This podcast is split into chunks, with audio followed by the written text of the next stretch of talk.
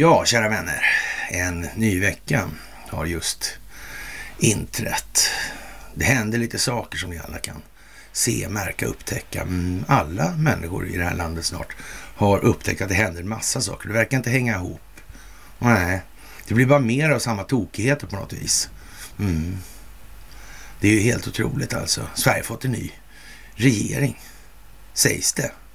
Men kan man lita på dem där överhuvudtaget nu när de säger saker och sådär? Jag vet inte, det verkar svårt att lita på eh, Engelbrektsson, där armécheferna och, och vad håller de där på med egentligen? Vad företräder de för entiteter? Hur, vilka befogenheter gör att det finns någon rättslig bärkraft i, i sånt där? Det vet man ju inte liksom.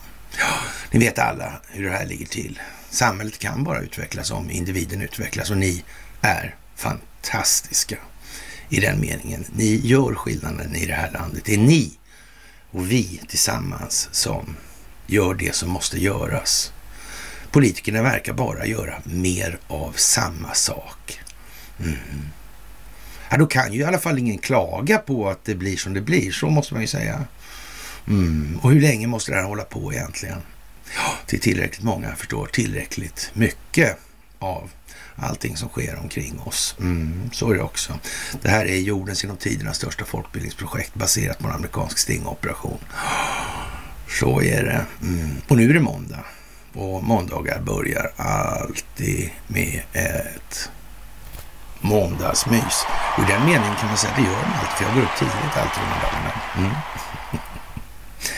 Så är det. Ni ska ha det största tack för allt ni gör, som vanligt. Ett enormt tack för gåvor på Swish och Patreon. Tack för att ni fördjupar er på karlnorbert.se och tack för att ni hakar på Telegramtjänsten. Det här med jallarhornet är ju rätt så viktigt alltså. Mm. Mediernas roll. Mm. Varför säger de ingenting för? Någon gång. Och du, säger de någonting så säger de bara konstiga saker. Det är bara mer saker av samma dumma variant. Alltså till och med Kornu börjar skriva till och med riktigt korkade grejer, uppgivna sådär. Alltså det verkar jättekonstigt. Ska, eh, ja. Det är så dumt så att, eh, ja som sagt, vi vet ju inte riktigt i den meningen. Mm. Det kan behövas några sådana där som, som ska kratta lite fint då, eller åtminstone lite grann ordna gruskornen sådär mm, i manegen. Mm, mm. Som sagt, fantastiskt. Ja, en ny regering alltså. Ja, det är ju som det är alltså. Det är ju som det är. Mm. Det är konstigt alltså. Det är bra att fördjupa sig nu. Det är bra att följa telegramtjänster och annat alltså. Ja, det är ju så nu. Nu gäller det att hålla vyerna klara, perspektivet högt uppifrån. Alltså det är alltid lättare att se runt hörn om man tittar uppifrån. Alltså det måste man förstå nu vid det här laget. Mm.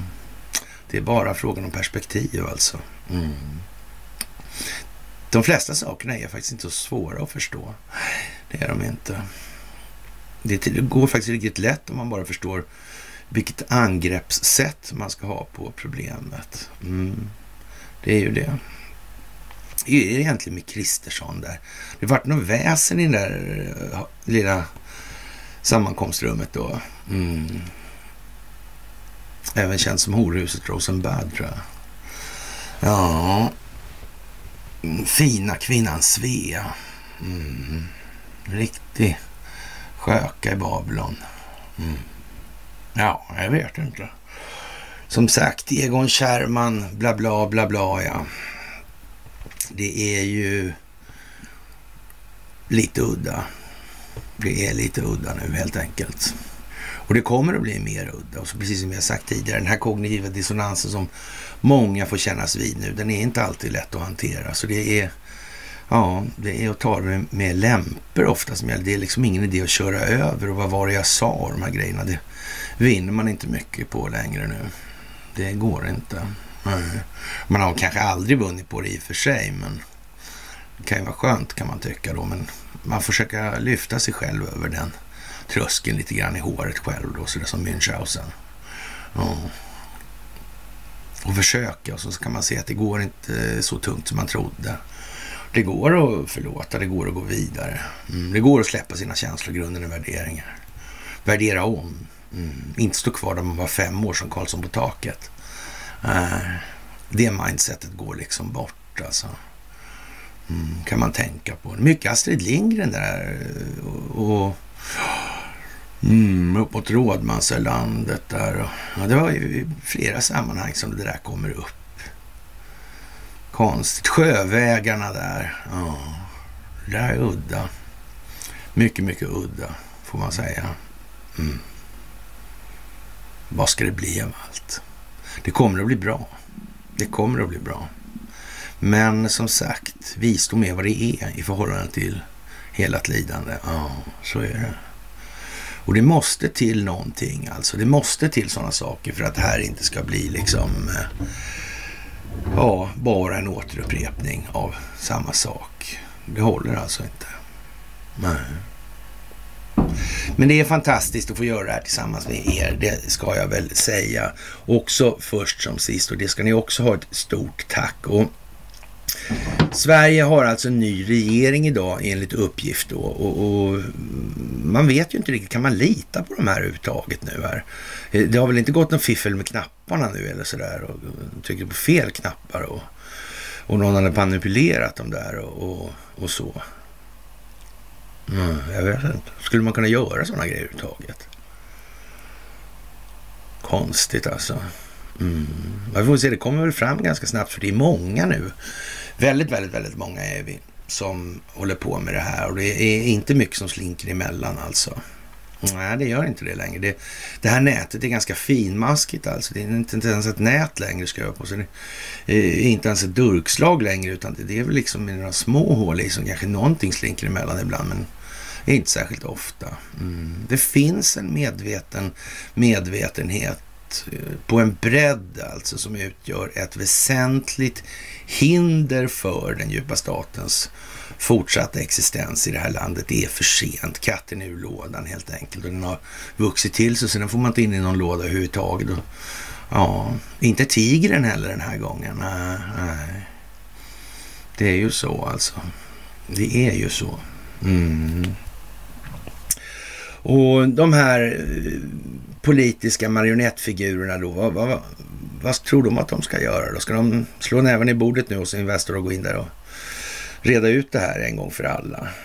Mm, det, det får vi ju se, men man, samtidigt så, ja, känns ju inte riktigt så alltså. Nej. De har inte angripit globalismen sådär över hövan tidigare, men möjligen nu då kanske tänker de så här att det ska vara, man vet ju inte. Nej. Stalltipset är nog ungefär det här att de får nog riva det här systemet.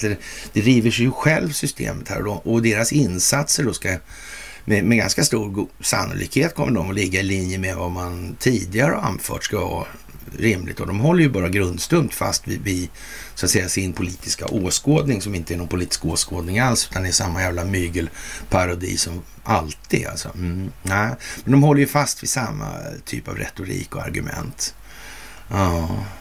ja. Det går ju liksom inte att säga så här, nu förstatligar vi, förstatligar vi bankväsendet på en gång och sen gör vi det helt transparent och sen kommer alla människors eh, ekonomiska transaktioner att kunna följas av alla andra. Ja. Det blir nog lite stort steg skulle jag säga.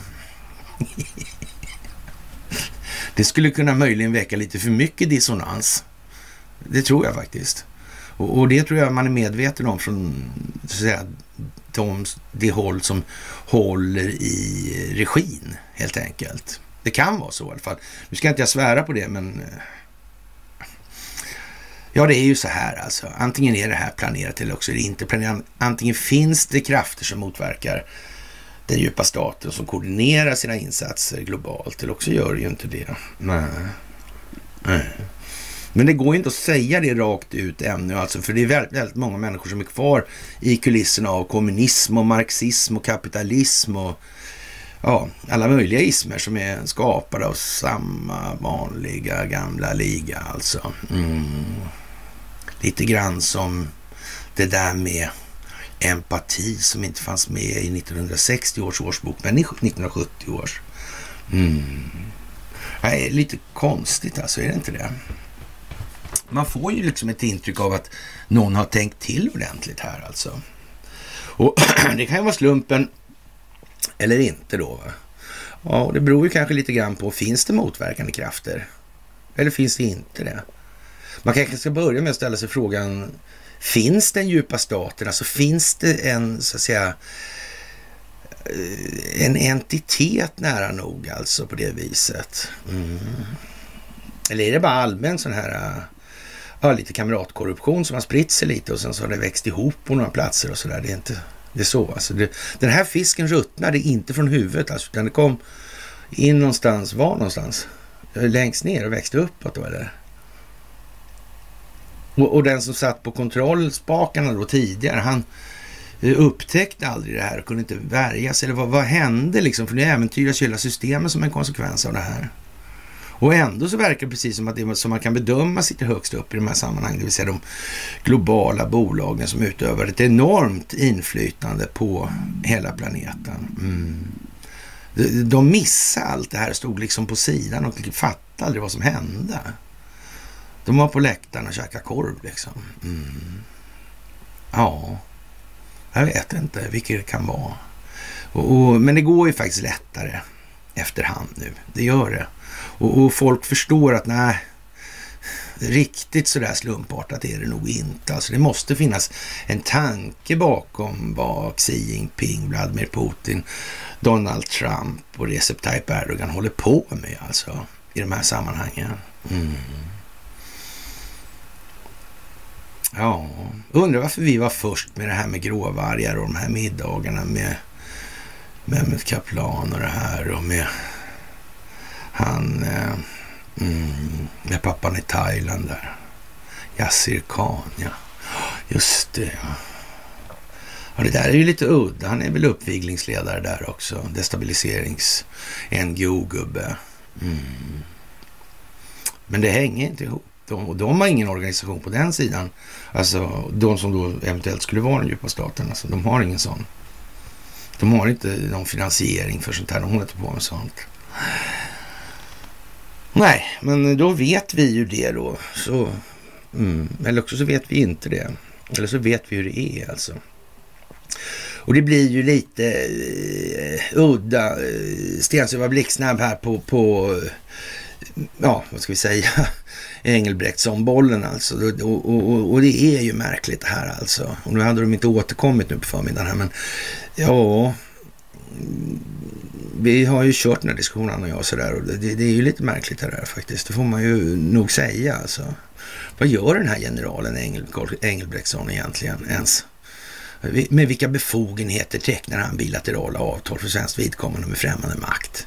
Militära avtal och inga jävla skitavtal. Inte småsaker sådär som man annars kunde tänka sig liksom, ja, om det var någon eh, liten övning och sådana grejer. Nej, det handlar om att försvara landets gränser in tills dess att vi är med i NATO och, och faller under femte paragrafen i den här Atlantpaktsstadgan. Mm.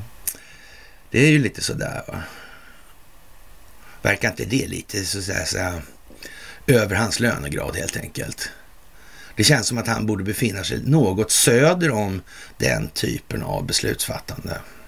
Men för den sakens skull ska vi ju inte då försvära oss att det omöjligtvis kan vara så. Det kan det kanske vara. Men, men, det är väl i så fall en fråga om den juridik som gäller i de här sammanhangen. Och då skulle man väl kunna säga att det kanske går att koppla till den amerikanska lagstiftningen. Den amerikanska militära lagstiftningen som gäller för ockupationsmakter. Och, och, det verkar ju onekligen vara på så vis den amerikanska militären är inblandad i det här sedan väldigt lång tid tillbaka. Och, och, eh, ja, en jättelång stund tillbaka skulle man väl kunna säga. Och, mm, vi är mitten ja, mellan 2000 och 2010. Ordentligt alltså nu, alltså big time. Och till och med det tidigare. Och vi har ju plockat ner det här ett antal gånger neråt. Ja, varför tar man upp det där med Vasa för egentligen? Alltså, mm. 61 år sedan, sedan hon upptäcktes, 333 år efter att hon sjönk. Varför, håller man, varför kommer sånt där upp nu? Mm. Hände någonting 1961 kanske? Var det någon liten incident kanske i kalla krigets sammanhang? Jag vet inte. Eller vet jag det? Har bröderna Dall med saken att göra? Jag vet inte det heller. Mm.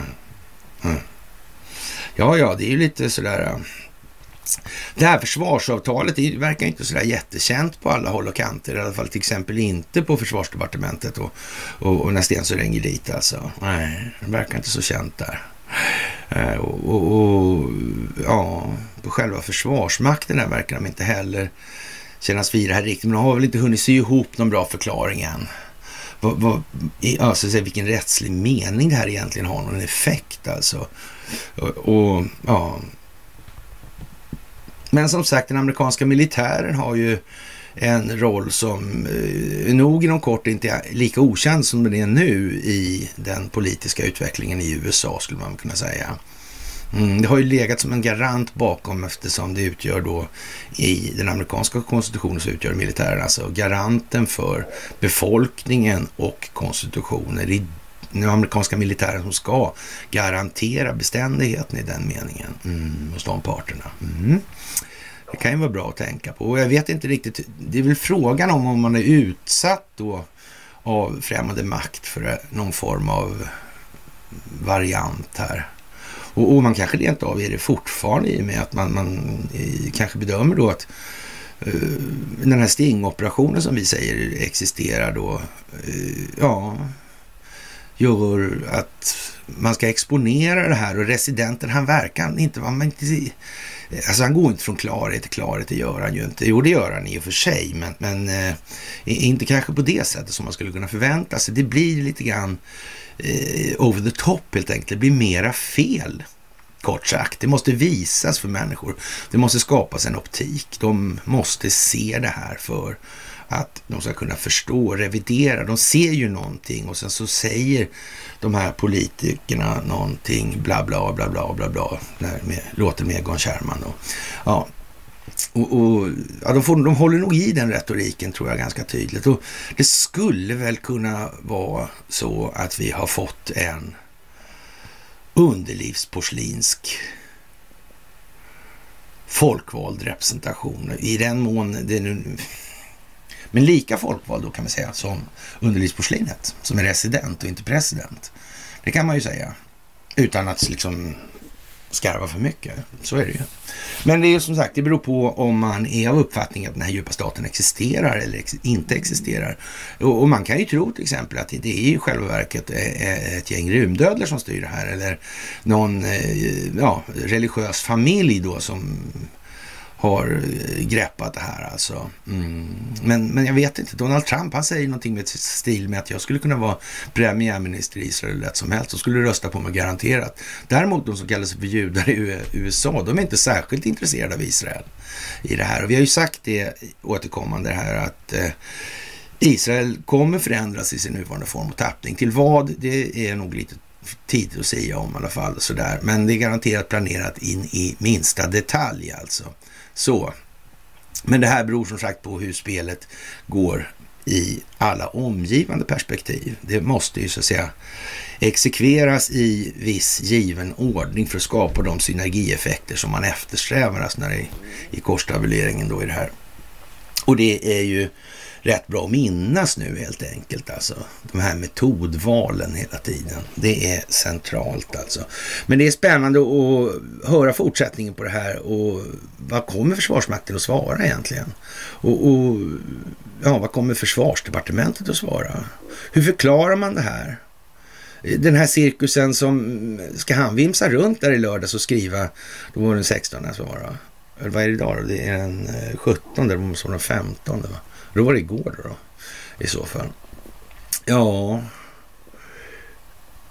som sagt, vi skriver den 17 oktober 2022. 17. Okay. ja, men lite så är det ju nu. Det börjar ju bli lite kul alltså. Det får man nog fan säga. Rätt komiskt. Och Eh, det verkar som att de här politikerna eh, som är tvingade till att göra eh, ja, sitt jobb då. Va? Det, det blir ju snett, de kör samma sak, det blir bara mera fel. Nu verkar det vara rörigt i England här alltså. Det är snart så står de på knä och ber att Boris Johnson ska komma tillbaka. Mm. Det tror jag inte han gör faktiskt, så dum är han inte. Han ska göra något annat. Det är jag helt säker på alltså. Barack Obama ska lobba för demokrater i, nyckel, eller i såna här nyckelstater då och eh, key states alltså. Och eh, det ska han göra i bland annat Georgia, Michigan, Wisconsin och senare i oktober inför mellanårsvalet, alltså den 8 november, som kommer att avgöra kontrollen. Jag tror det var den tredje, men det kanske är fel. Ja, över den amerikanska kongressen. Ja, och i vädret är lite dåligt i Australien också. De här, hur är det där egentligen? Kan man styra vädret? Är det någon som kan det? Geoengineering håller de ju på med, det säger de ju det för att styra vädret. Men, men de, någon kanske håller på med geoengineering utan att tala om det liksom. Finns det någon sån här tillsynsorganisation för det här med geoengineering liksom? Mm. Eller är det rena företagsintressen måhända som agerar i egen sak där? Ja, det vet inte jag alltså. Och, och, och, är det någon som vet det kan ju mässa mig och tala om då hur det är.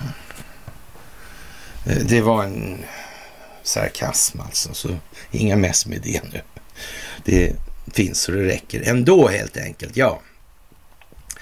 Och den kinesiska, eller det kinesiska kommunistiska partiet har haft kongress alltså. Och ja, det är eh, som sagt, eh, ja, jag vet inte egentligen om, om man ska behöva förtydliga, men det, det, kan vara så att det finns en djupa stat, i, i djupstat alltså, i Kina också.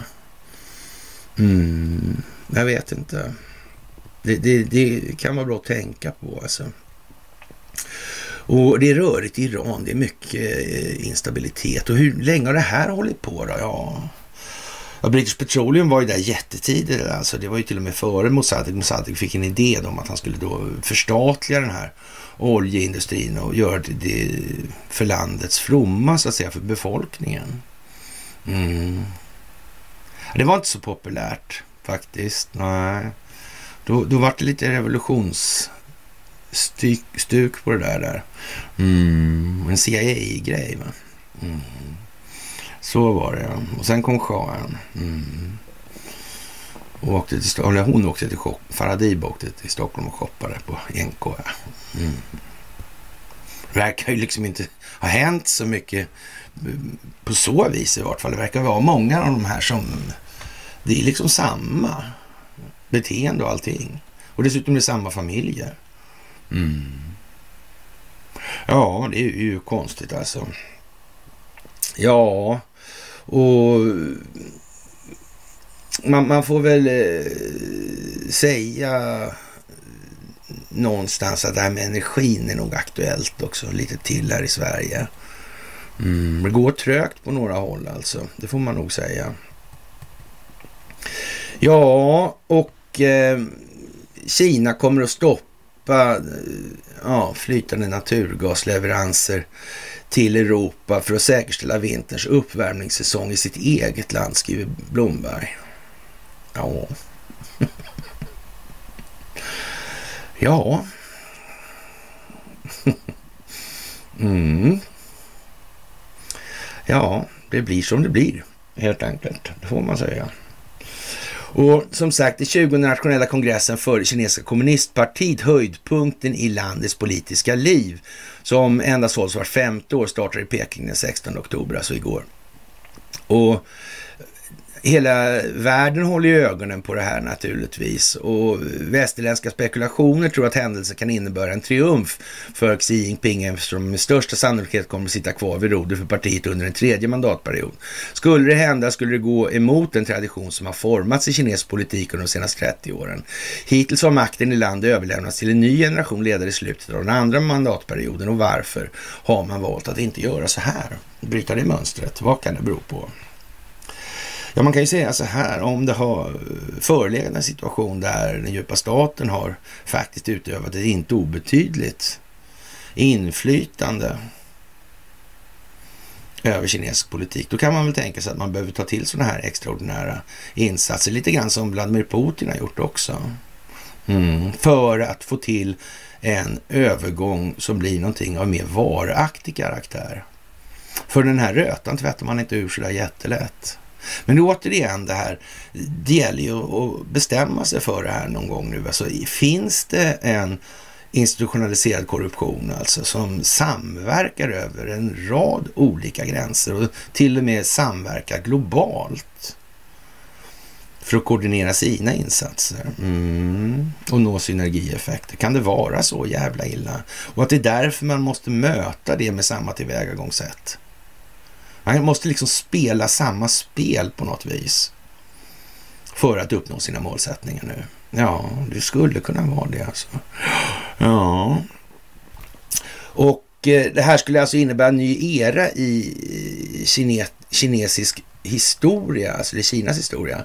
Från och med 2018 har det blivit allt tydligare att Xi kommer att trotsa den här traditionen och det gjordes det år gjordes ändringar i den kinesiska konstitutionen som hävde gränsen för två mandatperioder för presidentskapet. Och det kan ju finnas en poäng med det faktiskt. Och ja, man, man kan ju säga eh, mycket och, och, ett ryskt institut säger så här, för världen i stort är det viktiga inte om Xi Jinping kommer att stanna en period till. De flesta av världens länder bryr sig inte riktigt om vem som är ansvarig i Kina. Det är viktigt viktiga är alltså vilken typ av politik Kina kommer att föra i framtiden och hur stabilt landet kommer att vara. Kongressen förväntas också granska partiets arbete och prestationer under de senaste fem åren samt att tillkännage nya sammansättningen av dess styrelse. Alltså. Politbyråns ständiga kommitté då för kommunistiska partiet där, som består av partiets högsta tjänstemän som fattar alla viktiga beslut i landet.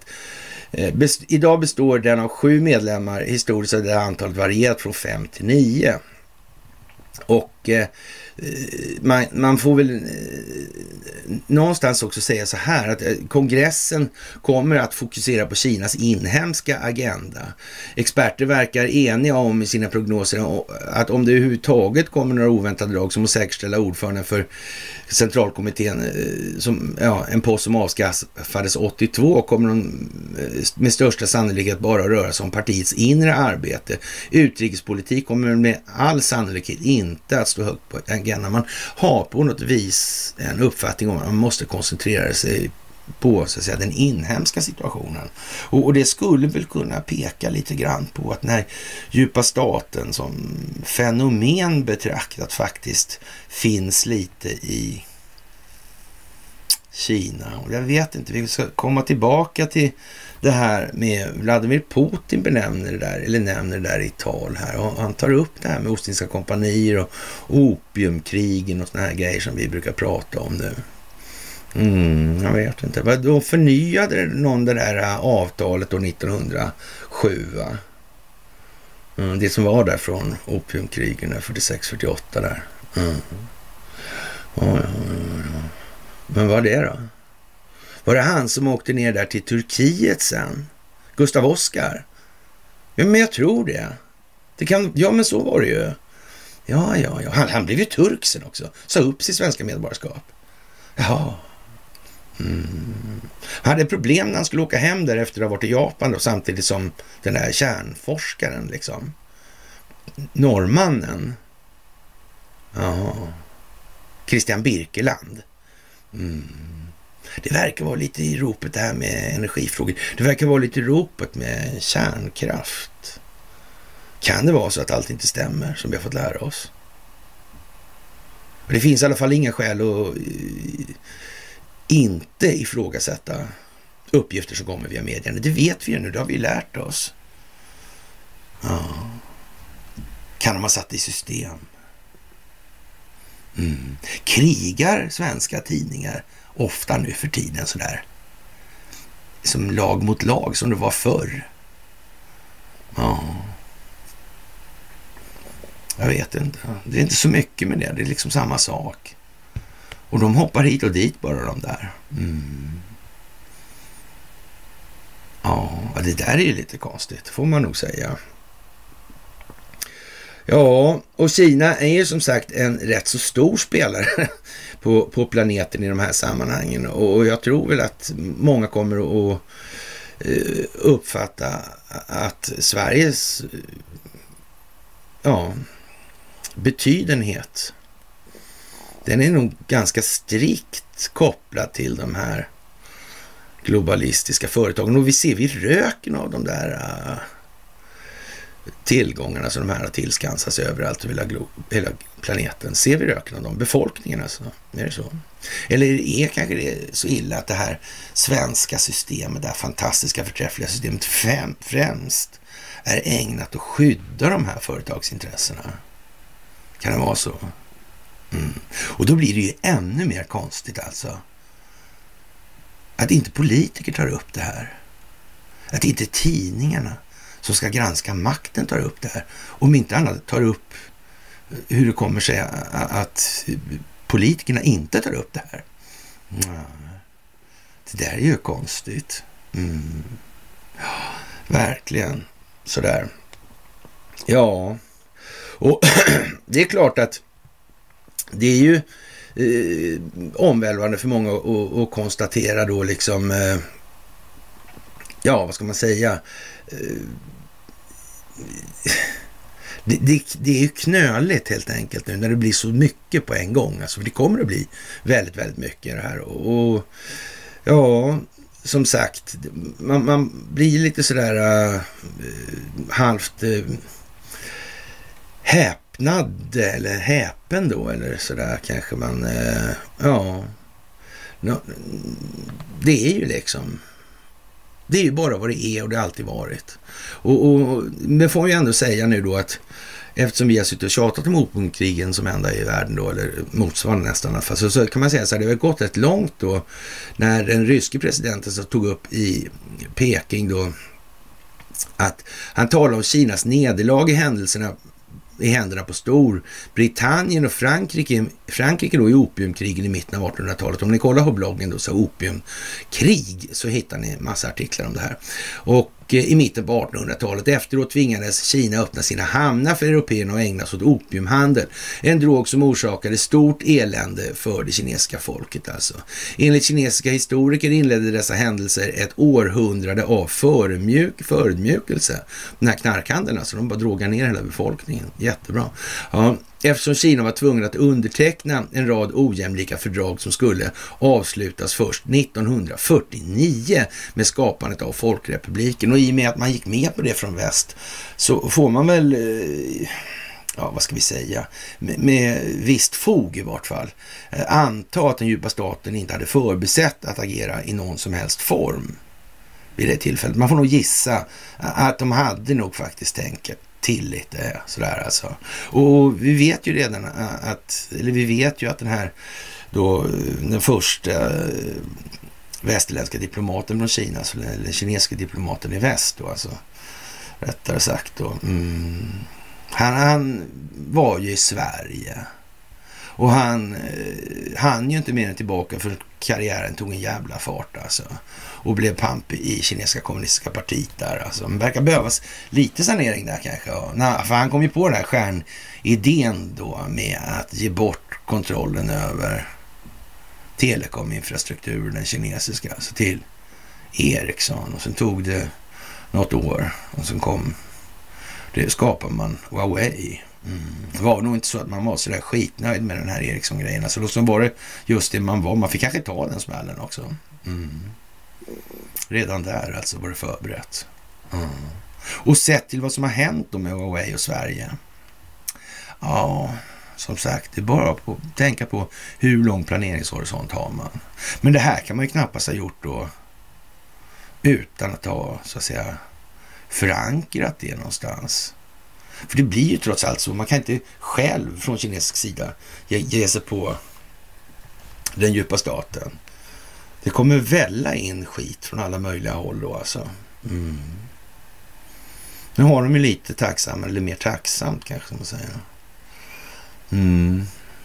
I och med att de fortfarande kan utöva en viss form av diktatur, diktat alltså när det blir för jävla rörigt. För det, de här krafterna som vill skapa den här röran för att kunna ja, gynna sig själva och härska genom söndring, de ligger ju inte på latsidan alltså. Och de har också stora datorer som räknar.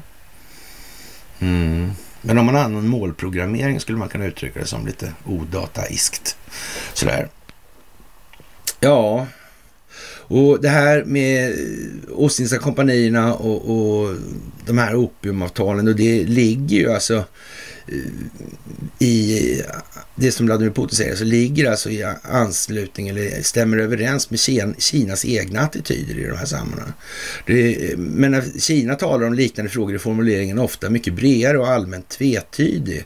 Och, och det, man döljer det här lite bättre för man, man måste så att säga eh, hålla korten nära kroppen, vara artig och kall alltså. Det går inte att flagga för att eh, men nu hoppar vi ut och tar Hillary Clinton där som man vill göra då.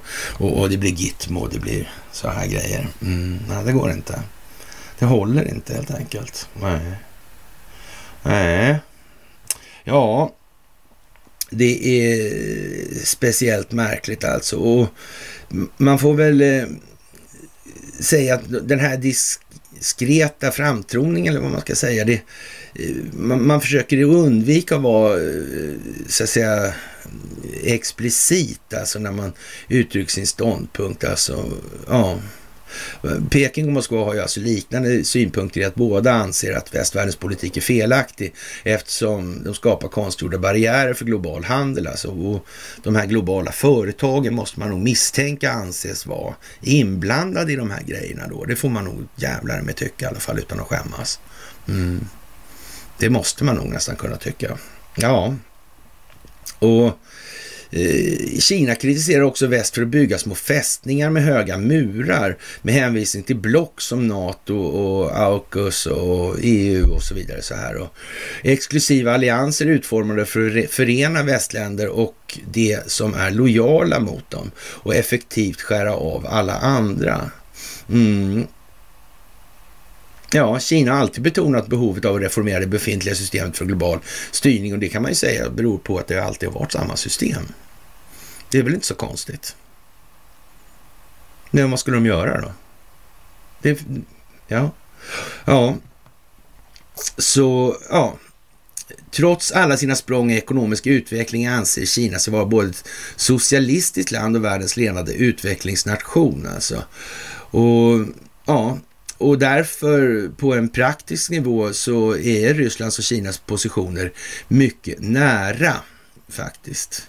Och jag tror att eh, det här kommer att bli ännu närmare här vad det lider. Jag tror det kommer att gå ganska fort också faktiskt. Det vill jag nog påstå. Och vad händer då eh, ja, i, i Ukraina i den meningen? Va, kommer kineserna att hålla krutet torrt liksom bara? Eller går de in här nu och, och lägger sig i eller tycker till eller? Mm. Jag vet inte. Kinesisk drake. Ja. Ja, ja. Ja, ja. Det är lite speciellt alltså. Och eh, han har ju sparkat otroligt mycket folk. Alltså han sparkade tre, när han gjorde sig själv till chef för PLA där och så People's Liberations Army i Kina, så sparkade han 300 000 militärer rakt av alltså. Det är ju rätt många alltså. Lika många som de amerikanska arméstridskrafterna. Mm. Det är inte så lite. Ja, det är som det är. Och Kakao Talk är Sydkoreas största sociala plattform och den blev helt svart. Så nu emigrerar folk över till Telegram. Ja. Men den som bestämmer över allt det där egentligen och, och tillgången till internet, är inte det den som kontrollerar telekominfrastrukturen egentligen? Mm. Ja, det är ju lite udda får man säga. Mm. Jaha. Och eh, vad ska vi säga? Det, det, går inte så bra för underlivsporslinet i någonting egentligen. Det går katastrofdåligt här och, och ju mer han gör det så sämre blir det hela tiden. Mm, och det är meningen alltså. Det är för att skapa den här optiken. Och han fick helt enkelt bli resident för att ska visa dels hur mycket fusk det finns och så vidare. Och dels så är han ju bra på att ta skulden för det som ändå måste ske i det här. Det är ju lite grann som den här nya då, om det blir hon finansministern då, Svantesson, som, eh, ja, ställs inför uppgiften och, och, och för att rädda något som inte kan räddas överhuvudtaget. Nej. Och vad ska hon göra? Mm. Hon får väl be en bön eller något, vad vet jag. Mm. Det här systemet bygger ju ändå på troende och ingenting annat. Så hon måste ju vara välskickad och ja, föra vår Herres talan helt enkelt. Eller hur fan måste det vara? Mm. Ja, det är en parodi alltså. Det är en riktig parodi. Och, och, helt fantastiskt alltså. Helt fantastisk artikel idag i Svenska Dagbladet. Och som sagt, eh, ja, vi vet ju inte riktigt hur mycket man behöver dra det här. Och stå där och hålla grundstump när hela världen havererar runt om, ja, mm. ja då kan man ju säga att då slår det ju in i alla fall som jag sagt att det skulle göra. Men jag vet inte om det behöver slå in så där mycket. Det verkar väl... Men visst, visst, det ska inte liksom... Mm. Jag vet att, av egen erfarenhet att det är lätt att överskatta den svenska befolkningsmässiga medvetna medvetenheten. Jag vet det. Mm. Jag, om någon, vill nog påstå att jag vet det i det här landet. Mm. Det säger ju till och med Kent Werne alltså. ja, ja, ja, ja. Konspirationismens härförare och grand old man och sådana här epitet som man får då. Jaha, och eh, som sagt, eh, Elon Musk sägs vara placerad då på Ukrainas hitlist, då, alltså mordlista. Och jag vet inte om man publicerar sånt där officiellt riktigt och, och det kan man ju säga, men det känns ju lite opraktiskt faktiskt ur ett opinionsbildningsperspektiv. Alltså det blir ju inte så seriöst. Det är lite mer av samma sak det där också. Så kan man väl inte göra? Men eh, vad, vad är det för någonting? Det finns ju garanterat en och annan svensk som kommer tycka att Nej, men det där vet inte jag om jag tyckte var en bra grej alltså. Nej, där går gränsen alltså. Vadå, ska han springa runt och mörda folk liksom? Det, det, ingår inte liksom i den allmänna uppfattningen om vad en politiker, politiker ska ägna sig åt sådär alltså. Nej, faktiskt. Och eh, ja, eh, och NATO börjar då alltså en övning nu här och, och ja, och det här är i kärnvapenövning helt enkelt. Och, och, som sagt, det här är just när den här kärnvapen, terrorbalans, hetsen har eskalerat ordentligt. Då väljer de att göra det. Mm. Ja, det är ju en bra tid alltså, att välja. Det måste man ju säga. Vad kan möjligen gå fel här? Mm. Ja. Nervösa till feta fingret, feta fingret liksom. ja, ja, ja, ja, de tänker så alltså. Ja, och det här eh, övningen alltså, den, den börjar alltså på uppmaningar från en tjeckisk ledare att använda lokala låg, ja, eh, så att säga, taktiska då, kärnvapenattacken kärnvapenattacker mot Ukraina och uppmaningar från Ukraina Zelensky till NATO att förebygga eh, med förebyggande hämnd då mot Ryssland och anfall alltså.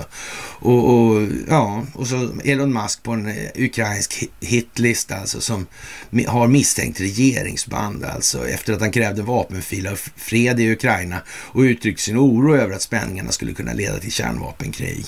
Och, och ja, det där är ju lite gulligt, måste man säga. Och det kommer vara så där liksom. Det här är ju bara en liten måndag. Vilken som helst alltså. Och när det gäller Svantesson, vad säger man då i Svenska Dagbladet då? Ett kamikatsuppdrag om hon blir finansminister då. Och vad, vad kan då själva möjligt... Det här kamikazet det är ju någonting man tar, liksom tar livet av sig eller avslutar verksamheten eller hur man nu ska tolka det eftersom det finns då kamikaze-drönare också då, som tar självmord då på något vis. Jag vet inte hur man menar där. Men, ja, och, och kan det vara så att, att eh, Svantesson har ju liksom en så att säga eh, ganska eh, hemul ja, eller ett hemult record alltså sådär. Hon har ju bara varit livets ord liksom och, och troende och liksom national ekonom har lissat i det och så alltså. Mm. Ja, men den där vetenskapen vet inte jag om jag tror riktigt på. Att det är så särskilt mycket vetenskap alltså. Det är som sagt, det bygger på förtroende. ja, ja, hur fan funkar det? Ur ett vetenskapligt perspektiv. Ja. Är det därför man inte talar om att det allmänna betalningsmedlet utgörs av enskilt kontrollerad räntebelastad skuld, vilket skapar ett tillväxtkrav som är allt mer växande med tiden. Oh, att det här systemet faktiskt ovillkorligen blir skuldmättat. Oh, och att det kanske faktiskt har att göra med den här räntekomponentens närvaro mm, vid eh, skapandet av lån, det vill säga de lån som utgör det allmänna betalningsmedlet. Kan, kan det vara så? Ja, det kan det vara. Det kan det vara faktiskt. Och ja, man ska säga det, det är väl då uttryckt redan innan då att det här är världens mest eh, otacksamma jobb hon tar sig an nu. Det kommer gå åt helvete, det säger man rakt av alltså. Och, och jag tror att, eh, ja, som sagt, speciellt alltså. Ja, och, och, hon är alltså den mest meriterade sen Ann Wibble då med sin list då. Och, och, det är ju mer än vad Borg och Magdalena haft så, och, och, de har ju liksom bara börjat forska studier och såna grejer. Men eh, ja, eh, i, i många sätt och, och betrakta det här på, eller ur många perspektiv kanske säga då, så, så blir det konstigt här i Svenska Dagbladet när de tar upp det här, för där kommer nu liksom EU-Åsa in, alltså Anders Lindbergs fru kommer in i det här. Alltså det, det, det är lite lattjo kanske va. Och, och, det där får man nästan tänka sig, vadå? Det kanske inte alla har fattat det där liksom att EU-Åsa är Åsa Westlund alltså. Att det är Anders Lindberg på Aftonbladets fru alltså. Hon har suttit som EU-parlamentariker i en evighet och förmodligen gjort det gratis alltså.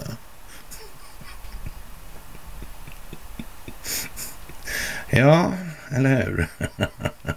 Seriöst. Verkligen alltså, verkligen. Ja.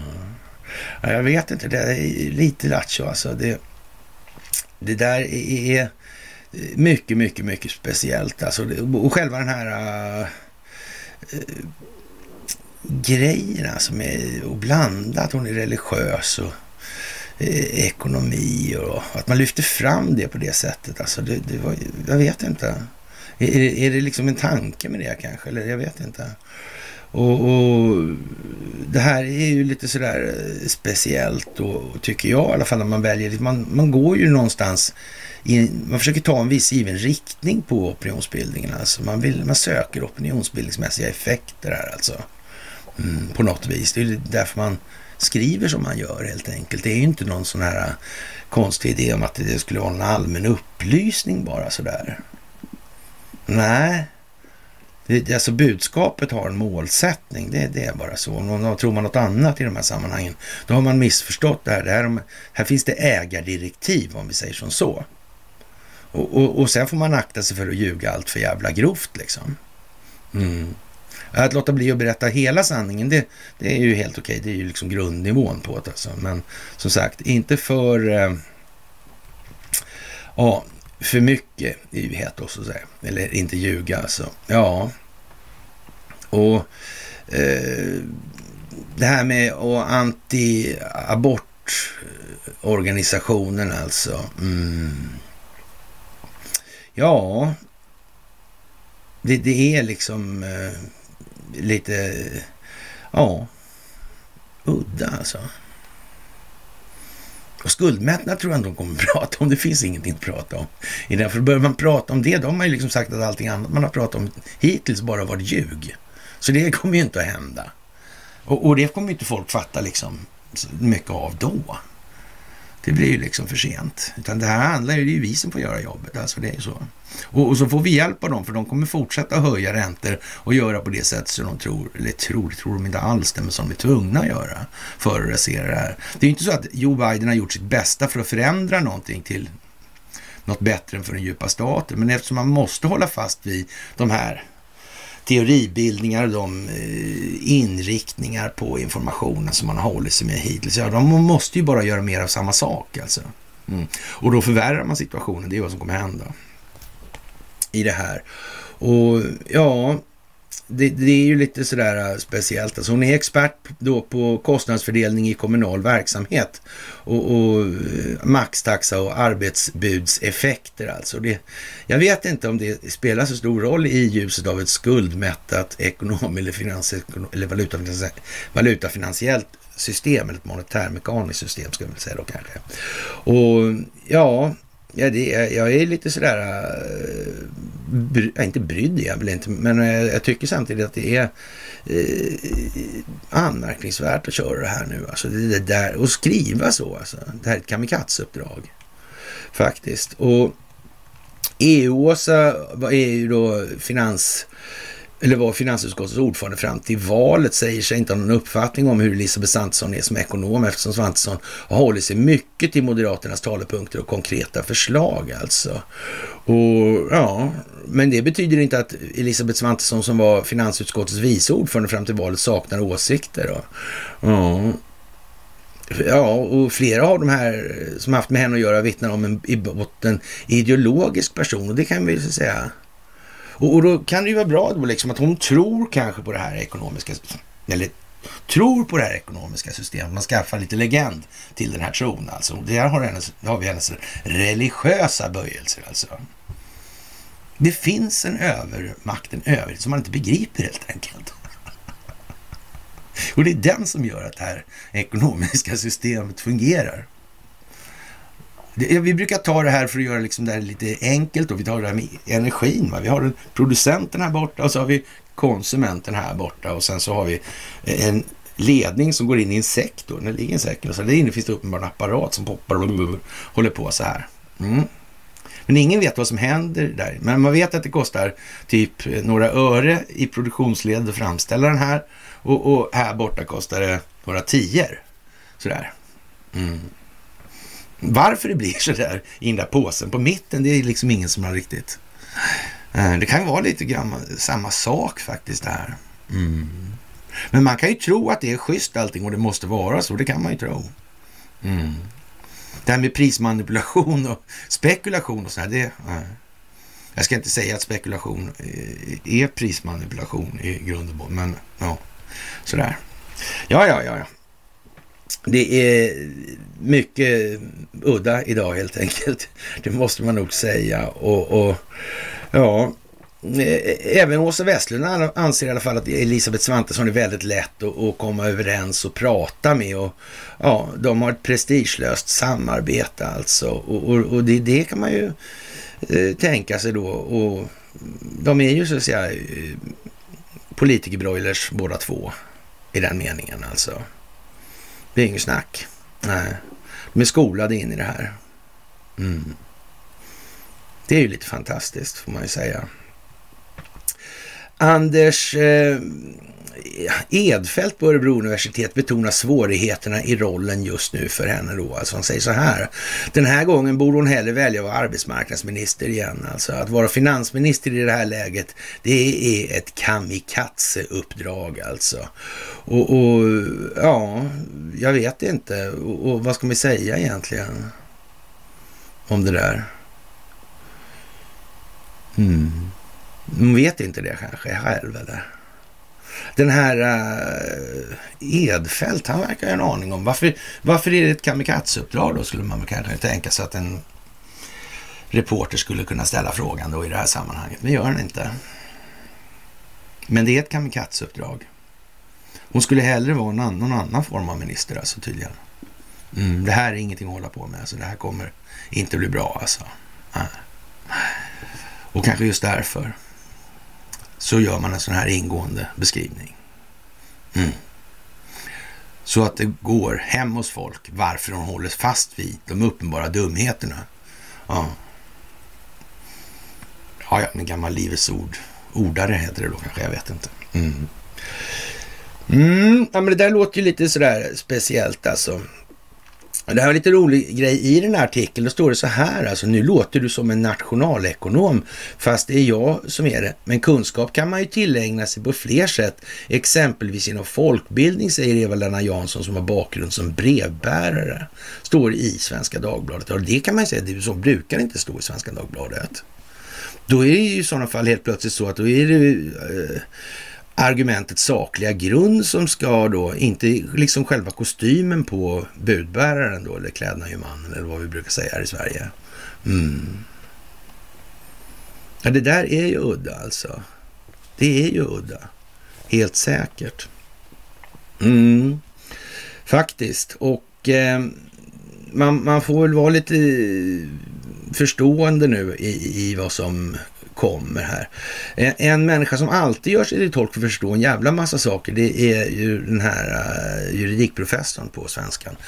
Då Mårten, Mårten Schultz alltså. Och, och, han skriver så här nu helt plötsligt. Och, eh, juridik ska inte vara någonting fint som är svårt att förstå för de som har eh, för de som den finns till för, alltså allmänheten. Och, och domstolarna får inte vara förbehållna företag och, och människor och pengar.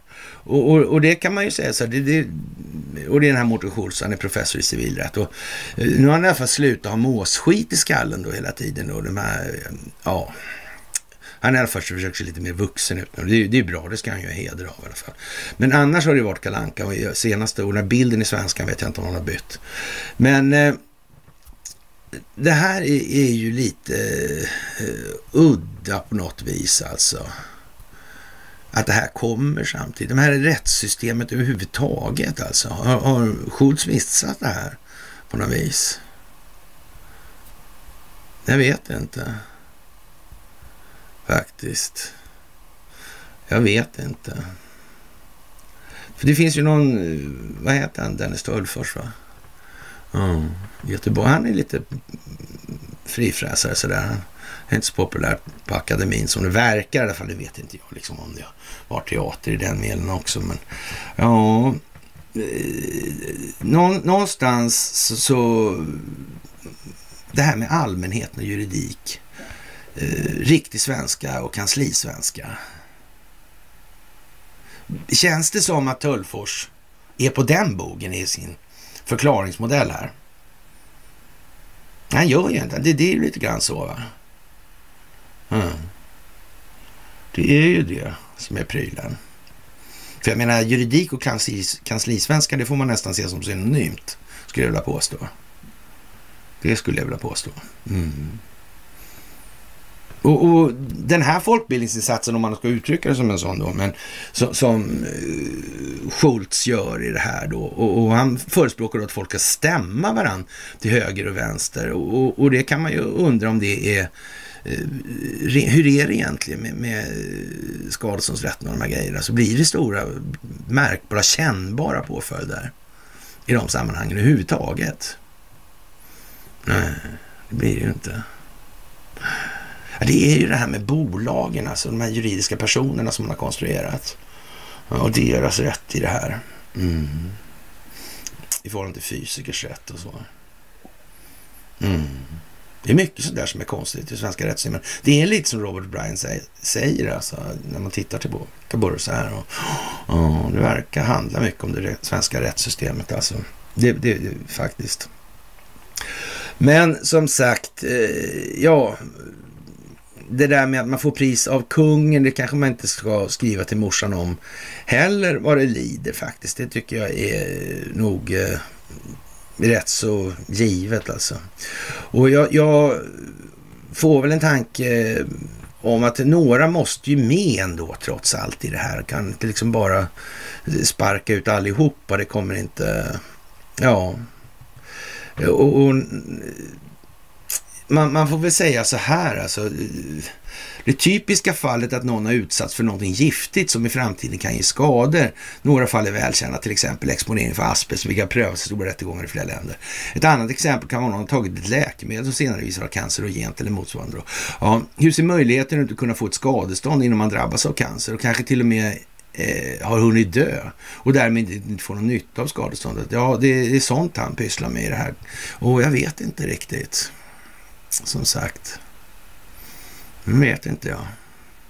Signalvärdet alltså, hela tiden.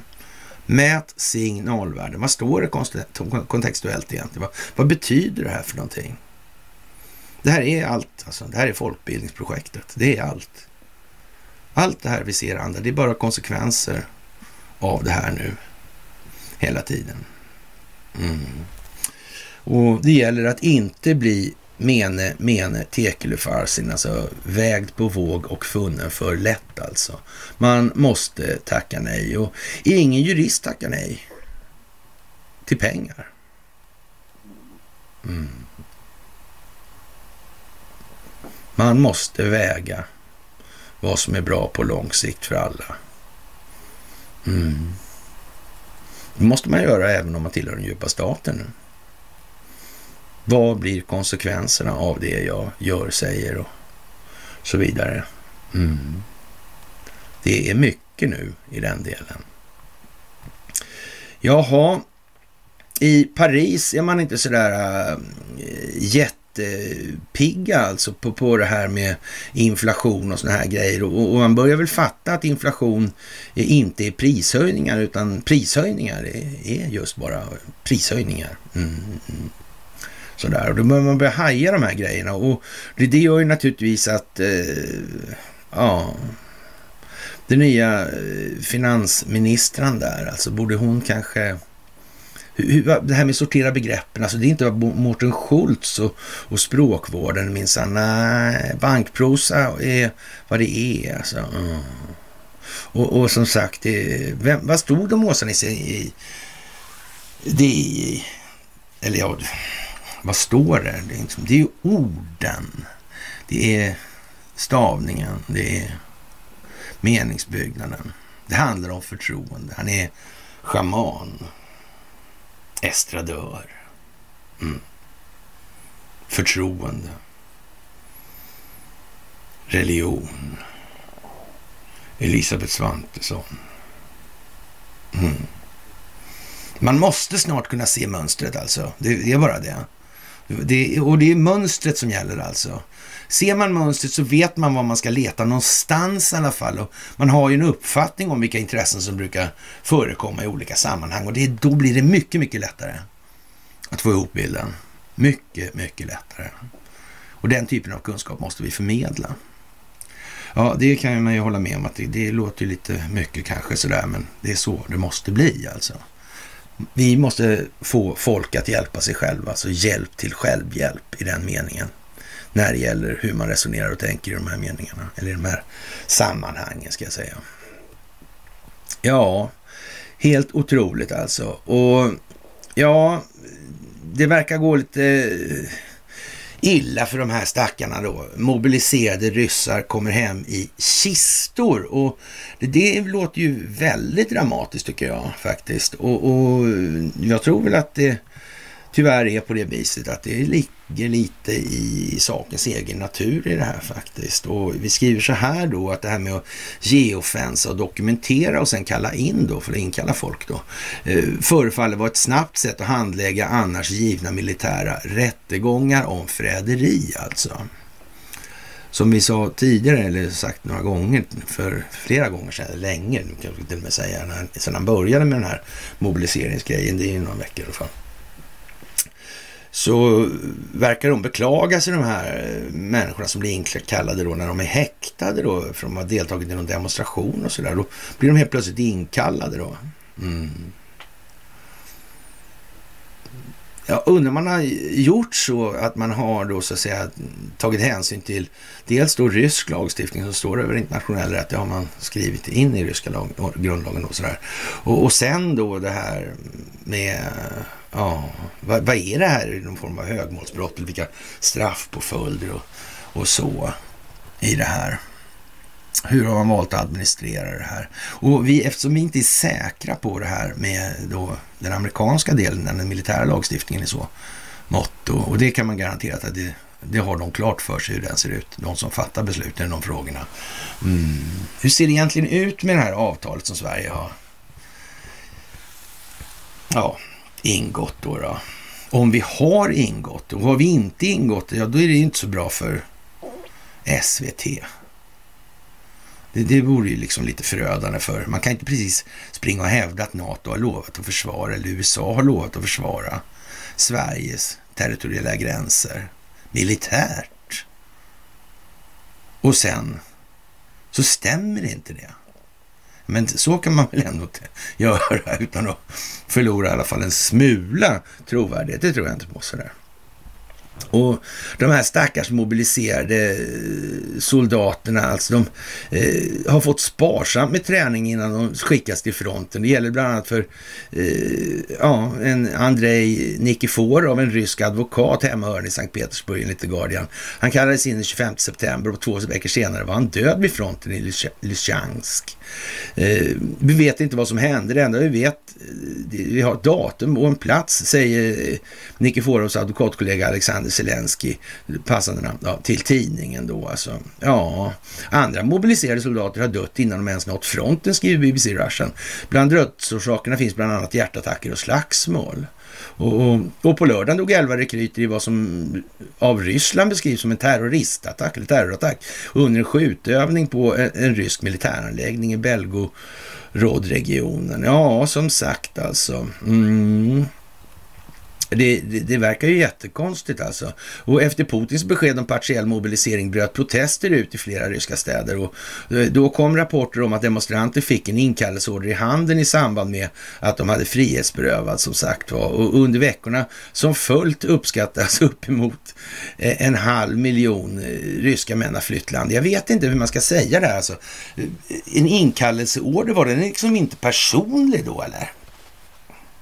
Ja, för var en personlig, då måste man ju ändå säga, då måste ju föreligga någon form av förberedelse i alla fall, det kan man ju säga. Mm. Och då undrar ju vän av ordning då, eh, eller rättare sagt, eh, man får väl ana att det ligger i farans riktning i alla fall, att då har man väl inte kanske främst plockat ut de där människorna på grund av deras militära färdigheter. Och, och sen frihetsberövar man dem då av eh, någon konstig anledning då i, i samband med protester alltså. Ja. Ja, det verkar ju konstigt. Mm. Hade de inkallelseordrar på alla som... Eh, ja. Och de som protesterade kunde inte fatta att de skulle ge fan i att gå dit därför det var... Nej. Men någon fattade ju inte någonting här i alla fall. Så var det nog. Ja, varje stupad soldat ett politiskt pris och frågan är när sorgen övergår il i ilska då, motstånd mot kriget och rent av regimen alltså. Och, och jag vet det fan alltså, det är Johan Norberg, tyvärr alltså, ditt namn till trots, alltså militäranalytiker på Totalförsvarets forskningsinstitut, FOI alltså. Eh, ja, nej, men sådär alltså. Och, och, och, mm, han har en lön alltså, han, namnen där, mm, det har han. Det måste man säga och den jobbar han för. Något annat verkar han inte jobba för. det. Ja, och, och, ja, som sagt, eh, många av de här myndigheterna är ju vad det är då. Och, och, och Johan Norberg tror inte att vi sett slutet på ryska mobiliseringen heller. Nej, nej, ja. Och jag vet inte. Trist historia det där alltså. Mm. För det måste ju ändå vara så att om det föreligger någon form av aktiv kamp mot den djupa staten som koordinerar, då måste man ju ha tagit med sånt här, måste man inte det? Uh, kanske räkna på det också, kanske geofensar allt vad det går i Ryssland, vem vet? Då? I Kina också kanske? Mm. Det vet ju inte vi. Man skulle kunna tänka sig sådär. Ja, och eh, som sagt, det här med att eh, hålla blicken lyftad. Det kanske är viktigt. Det är kanske viktigt. Och jag tror att man, man med viss fördel nu kan hålla tillbaka lite på det här som är skapat som kulisser för att dölja det valutafinansiella systemets monetärmekaniska haveri. Alltså, jag tror man kan strunta i de grejerna. Vi vet att de här krigen som skulle bli då det, det var någonting, eh, ja. Det gick inte helt enkelt. Joe Biden och gänget, eller djupa staten, fick inte till något i det här. Nej. Det vart någon form av eh, kirurgingrepp där från rysk sida i Ukraina. Mm. Och nu börjar vapnen ta slut för USA. Vapnen börjar ta slut överallt. Mm. Jaha. Men så praktiskt. avmilitariserat va? Lite grann. Ja, ja, ja. Mm. ja, men som sagt, de reguljära förbanden i USA, de har ju den utrustning de har alltså. Mm. Och, och, är det så att Engelbrektsson har varit, skrivit av, varit och skrivit avtal nu här och, och ja. Hur, hur, går alla i de nya regeringspartierna, går de med på det här då? Tycker att det var en bra idé? Och ändå vet man ingenting på försvarsdepartementet om de här sakerna.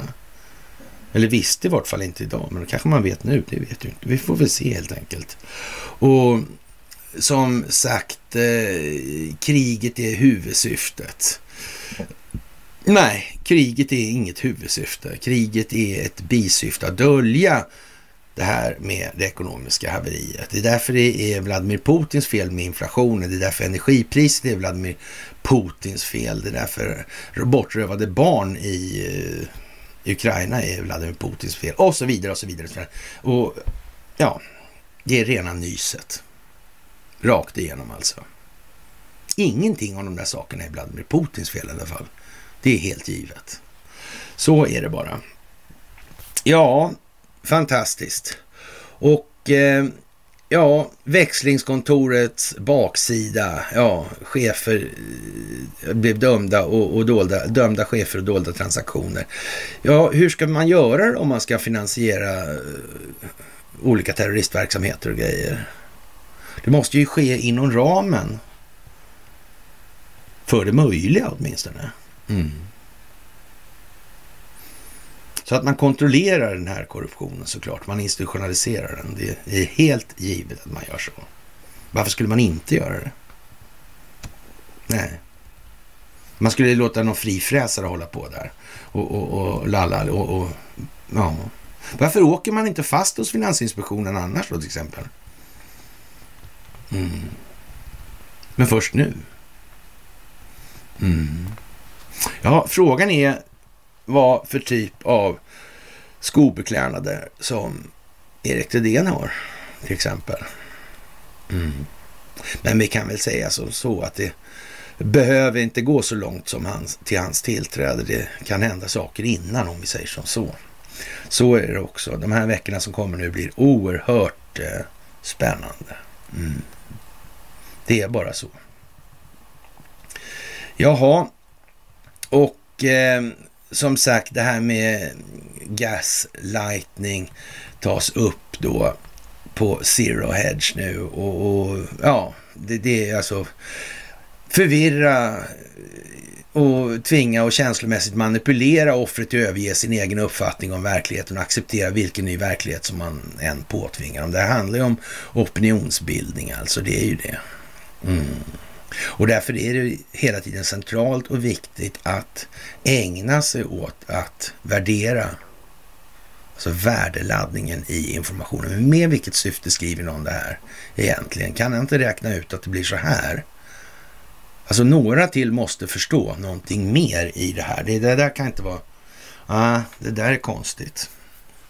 Nu är det läge att vara kall och artig och ha korten nära kroppen. Hela, hela tiden.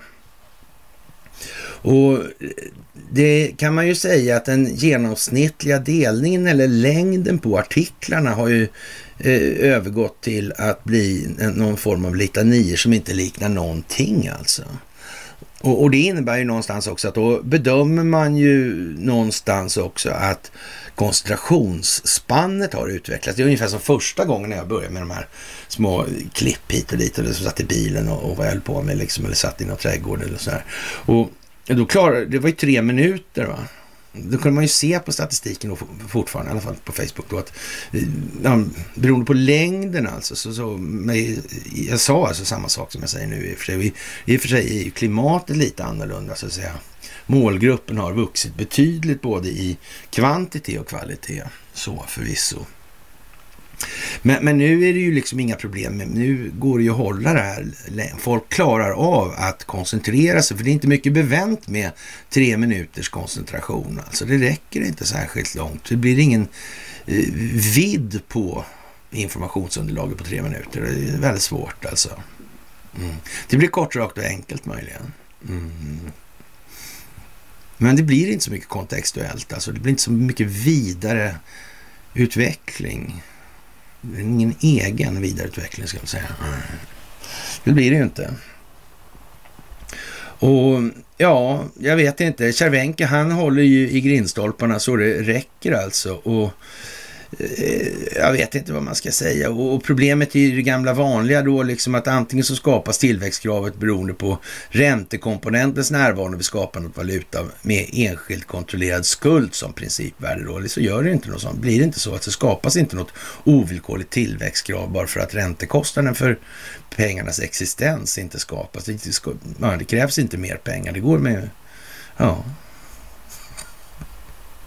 Ja, det är som Björn, det är liksom Björn Söder-nivå på Cervenka numera. Och, och eh, det vet inte jag liksom... Ja, som sagt. Eh, det här, ja, jag vet inte helt enkelt. Eh, det här med börsen alltså, det är ju ett jävla kalanka och ingenting annat.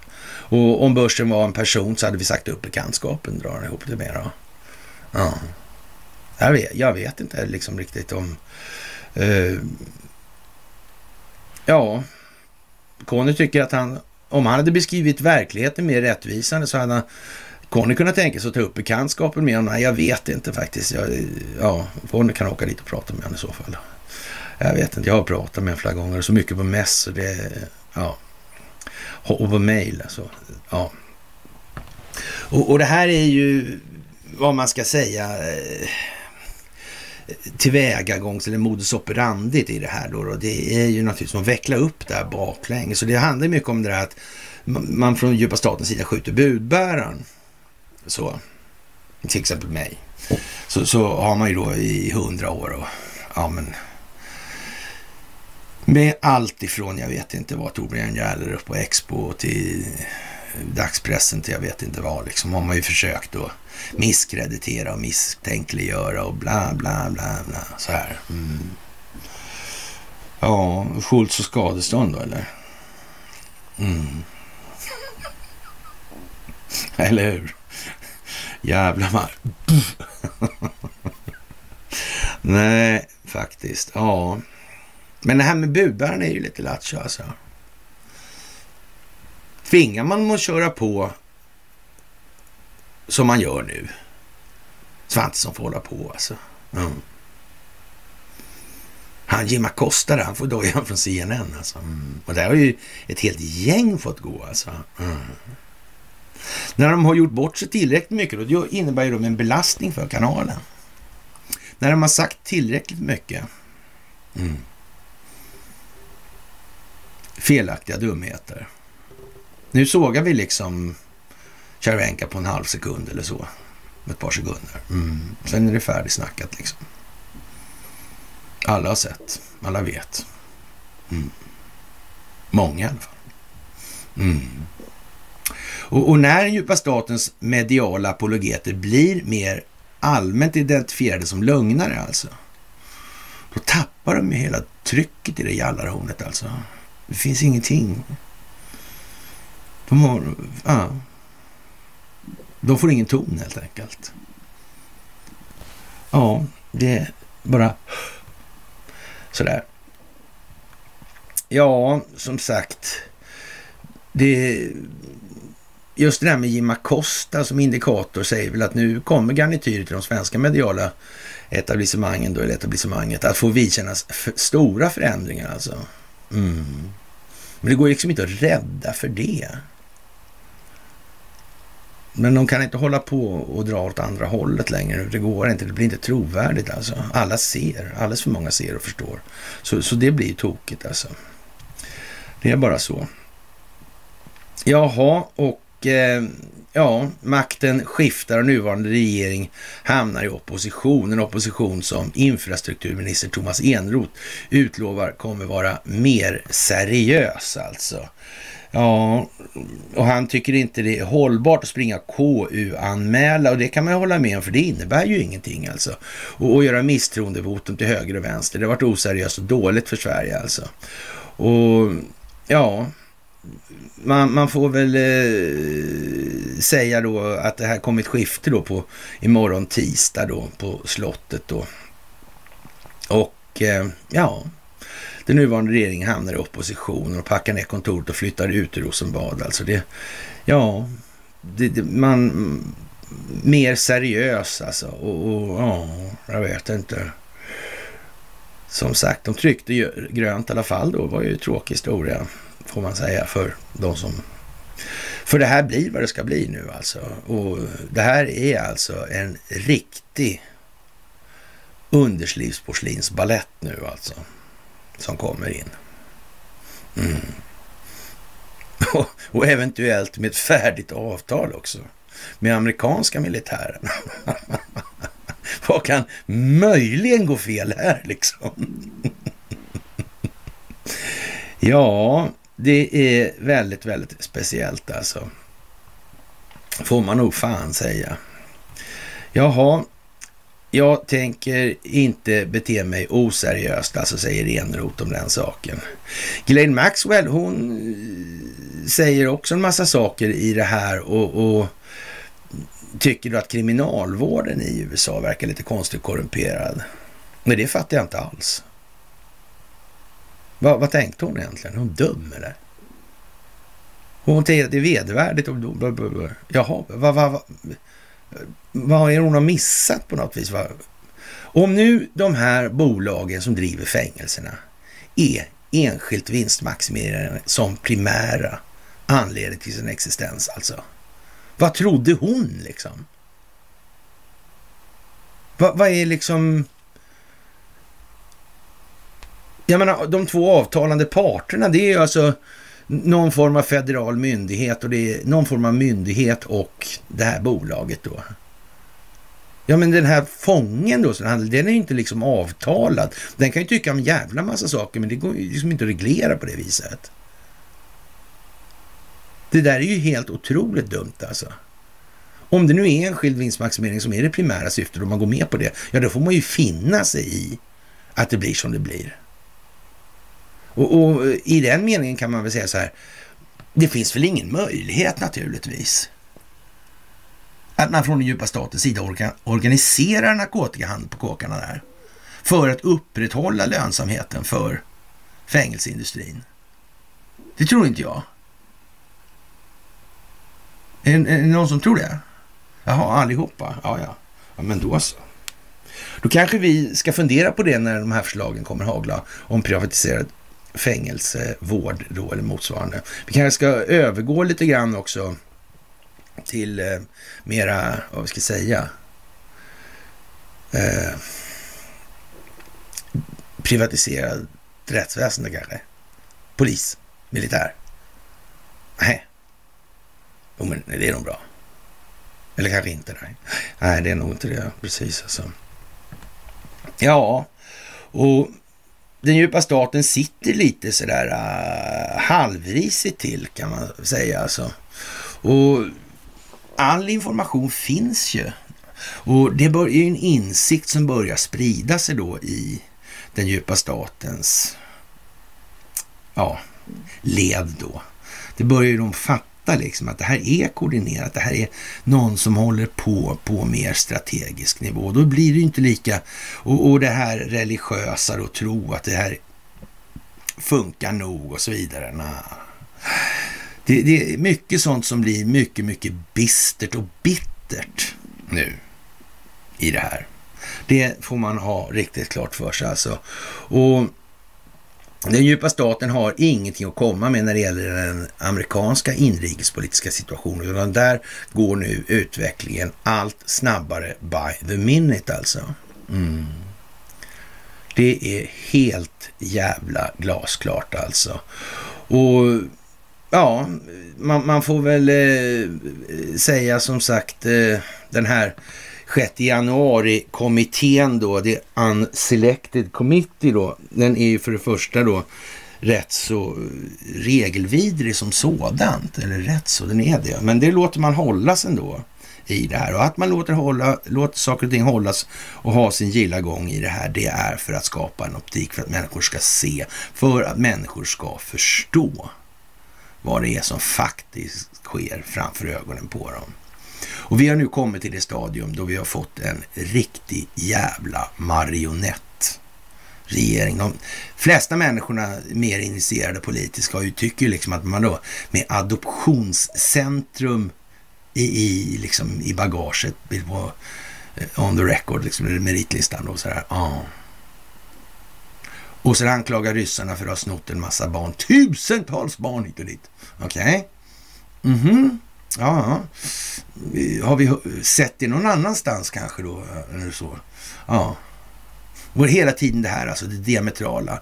Projicera sina egna moraliskt förkastliga beteenden på någon annan. Det är liksom, jaha, ja, ja. Mm. Är det någon som inte tror det blir strul med barn från Korea och annat för Kristerssons vidkommande? Nej, det tror inte, jag tror inte det är många som tror det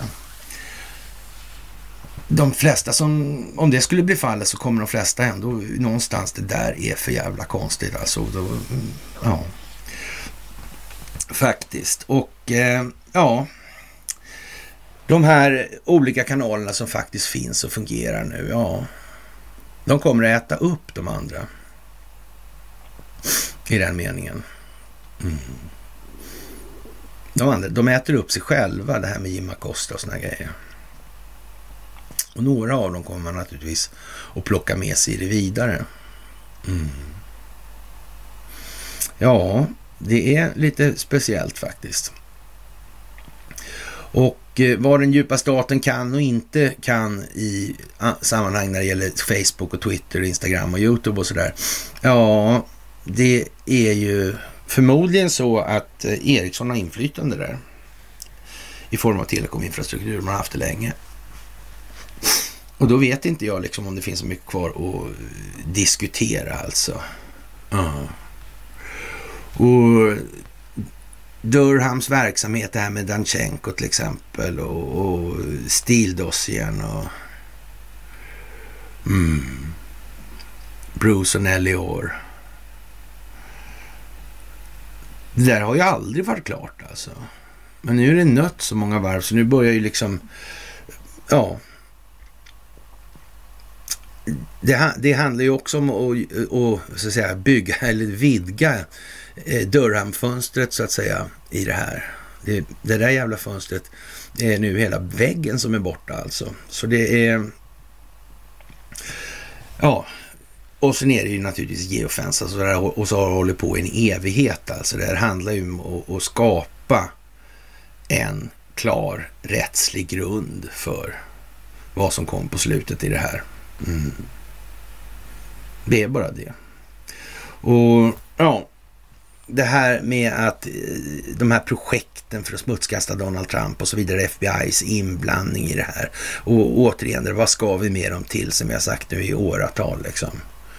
Ja, det är ju ingenting annat. Om ni tittar på den. ni tittar, ni har ju sett den naturligtvis, man ja, kan ju titta på den igen då kanske, men be gärna era vänner och titta titta på den här med framväxten av det militärindustriella komplexet, spionfabriken alltså. Mm. Underrättelsetjänstkollektivet. Det, det är lite bra alltså och det ja, den funkar alldeles utmärkt idag också. Den håller streck alltså. Det gör de andra också i och för sig. Men...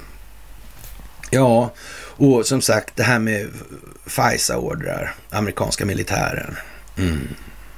Det funkar åt andra hållet också, precis som härskaren och söndring. Mm. Vem vet vad de har suttit och babblat om på telefon och sms mm. och Messenger. Mm. Och trott att de inte var avlyssnade. Mm. Eller kanske den amerikanska militären aldrig fattat att de borde göra det. Ja, de fattade det där med Ericsson verkar de ha fattat i alla fall. Men det är klart, det, var, hade, det hade ju med mutor att göra i och för sig, så det var inte... Just det, så var det ja. Mm. Ja, ja som sagt, eh, FISA funkar åt två håll i det här. Och ja, och att man kom åt det här och man har ljugit i de här processerna. Ja, vem var det som var med? Var inte han Rudy Giuliani kanske var inblandad? Eller som var, var inte han in i det där på något vis? Och så var, jag vet inte fan om inte han Han från South Carolina där alltså. Lindsey. Mm. Men han kan ju lite om militärjuridik i alla fall tror jag. Det har jag bestämt för mig att han har en del kännedom om de där grejerna. Mm. Var han som snackade med han Brett Kavanaugh om det där? Mm. Mm, just det. Just det. Ja. Och det här med Robert Mueller och hans roll då och Comey och så vidare. Och, och, ja. Jag vet inte. Och förr eller senare kan inte svenska medier hålla käften. Så de är tvungna att fortsätta ändå alltså. Och det kan bli riktigt pinsamt nu alltså. Så lång tid har vi kvar alltså. Mm. Det går inte att man börjar, liksom börjar snacka om åtal på Comey och, och, och, och Müller och de här alltså. Och sen säger man ingenting i Sverige. Nej, det går inte. det går inte. Då är både, ja, då blir moroten utbytt till en kulhammare. Sen får åsnan den i huvudet liksom. Ja, sådär. Och ja, DeSantis då, guvernören i Florida, han sänder oupphörligt illegala invandrare till Delaware och Illinois då. Och det är ett sätt att visa amerikanska folket vad Biden-administrationen gör mot landet och befolkningen. Och ja, och det, man vill ju inte ha några invandrare till de här delstaterna då. Och eh, ja, som sagt, eh, det gäller ju att få dem i de republikanska delstaterna då självklart. Och, och det kan man ju tycka är, är, är snällt av dem sådär. Men jag vet inte om det är så populärt. Därför att det är ju naturligtvis de mest samvetsgranna människorna och, och seriösa som kommer. Det är inte så att man har importerat några andra dit som man skulle göra om, man, om det fanns något som hette djupa staten. Nej, det finns inga politiska långsiktiga syften med. Alltså det finns ju ingen politisk långsiktig planering i de här sammanhangen. Det ägnar man sig åt. Inte någon gång någonstans. Och, ja, och så vidare. Ni, ni förstår själva liksom att det här är lite sådär halvlarvigt just nu. Och som sagt, eh, det här med kärnvapentester då säger man att det är i, på Koreahalvön där och jag vet inte. Eh, det där är ju väldigt konstigt alltså. Och, och, kongressen i Kina då, kineserna säger då att uh, ja, man har tagit full kontroll över Hongkong. Alltså nu står Taiwan på tur alltså. Ja. Och, och Irans president Raisi säger att uh, Biden initierar kaos och terror i Iran. Ja. Ja, den djupa staten har ju funnits där bra länge, alltså som vi pratade om tidigare med Mossad, där 53 och de här grejerna. Mm. Och Sverige för all del en och annan reaktordetalj. Alltså ABB har väl, ja Siemens har väl kanske sålt lite grann dit tror jag. Mm. Det jobbiga var väl att få in mutorna med, med pallarna med stålar, alltså för att kunna mutas. Alltså, ja. Mm. Det är, ja, dramatiskt i USA och det här kommer att falla in då i Sverige, eller gå in, slå in som en våg. Då. Frågan är hur stor den här vågen ska behöva bli liksom. Det vore ju bra om vi kunde höja nivån lite sådär va. Ja, jag tror att det vore bra faktiskt för oss. Och kanske för omvärlden också. Det är, ja, som sagt, varför händer ingenting? Nej, det kan man ju fråga sig då kanske. Och Ja, det här med eh, censuren då, alltså när det gäller big tech. Och, och vad har Fauci och de här hållit på med? Big tech där. Den här grejen, kan det vara någonting som kanske eh, ja, påverkar aktiekursen på något vis? Ja. Och, och, och om de har gjort det i det här fallet och hållit på och censurerat och haft sig. Men vad säger de som köper annonser till exempel? I det här då? Mm. Men kanske mass eller omfattande. Lägger man till då det här med bottar och sånt, blir det mycket bättre då? Eller blir det kanske inte bättre alls? Kanske blir sämre? Mm. Ja, vi får väl se helt enkelt. Och eh, ja, hård kritik från vänster, marionettregering, det är SD-politik rakt igenom och jag vet inte liksom eh, vad man egentligen ska säga om det där.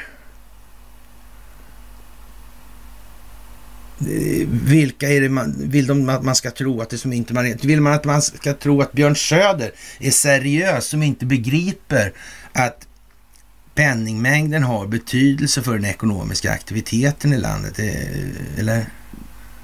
Jag menar, då får han väl fråga Riksbanken hur det är då. då. För så långt, begriper man inte ens så mycket, då begriper man ju ingenting liksom.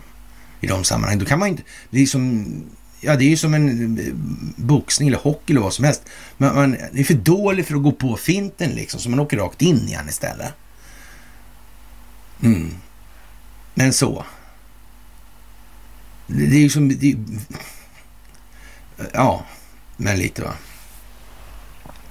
Som sagt, marionetter, jo då, ser Ja, sådär. Men, men någonting måste ju finnas kvar också. Men nu har vi ju alltså rätt så klara kort på att politiker har alltid varit befolkningens fiender i den meningen alltså.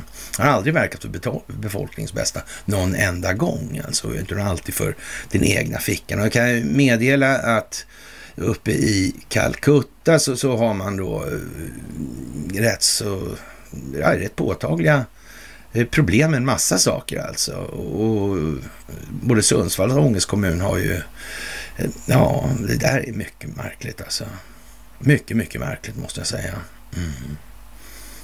Och sen kinesisk närvaro och sen rysk närvaro. Det är bara amerikanerna kvar alltså. Jag tycker de kan bygga ett Hard där på Cosmopol istället.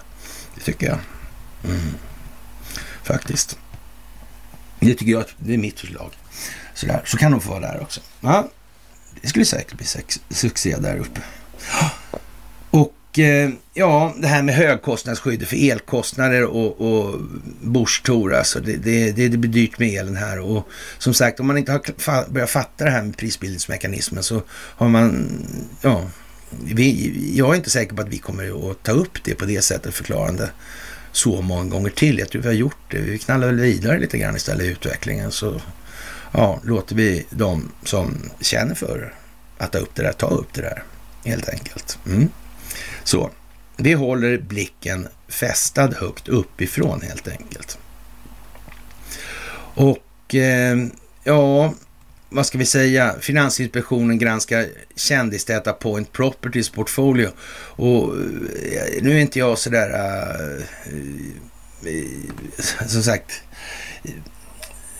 offentliggörandet av årsredovisningen 2021 i ESF-format finns lag och, och det här. Det finns liksom ingen gräns då, om man säger som så. Har det varit möjligt att fuska? Det är som i valet alltså. Man har ju använt alla sätt man kan naturligtvis. Och, och ja, förmodligen en hel del till sätt som man inte kan också. Mm. Det, har inte, det har förmodligen inte stött på så mycket patrull som, man, som det borde ens. Om vi säger som så då. Det är ju trots allt en stingoperation det här, så det, det blir ju så alltså. Mm. Det har nog, gick nog lätt att fuska i alla fall, det är helt säkert. Så. Och då är det ju mycket speciellt då. För det är ju i så fall den avtalspart som... Ja, det var inte... Det här eh, samarbetsavtalet var inte, det var inte underlivsporslinet som var där på den här försvarsmässan eller försvarsindustrimässan, så vet jag tolkar i alla fall. Det var inte det. Nej, nej. Det var någon annan alltså. Kan det, och från det hållet kan man ju säga så här, där, där finns det ju i alla fall e- en rätt så klar poäng med att det, det, skulle man kunna tänka sig då att i det fall det här är en stingoperation och den amerikanska militären är inblandad så ska man ju då ganska säkert kunna tänka sig att eh, en av de fem högsta militärerna kan teckna firma för militären alltså. Mm. Det tror jag. Mm. Frågan är hur det ser ut i Sverige då, men vi kanske redan klarat ut det. Mm. Man kanske håller det på reguljär basis då i så fall. Men det är som sagt en, en fråga av en juridisk karaktär som, ja, den är nog inte så lätt liksom. på det viset. Men, men, man får väl förutsätta att oavsett hur det är så har man då beaktat den möjligheten. Sen om det är så eller inte, det återstår möjligen att se. Men det är ju märkligt i alla fall. Det ska bli spännande att se om vi får någonting klargörande i den delen under det närmsta dygnet faktiskt, tycker jag. Ja, och landets eh, infrastruktur för elförsörjning är både ifrågasatt och hett omdebatterat. Nu ska Riksrevisionen granska statens roll i utvecklingen av elsystemen. Ja, man vet inte. Riksrevisionen, utvecklingen av elsystemen. Ja, varför, varför, har man inte gjort det där för länge sedan menar jag? Vad då komma här och snacka om samhällsskydd och beredskap och Eh, men man har inte liksom...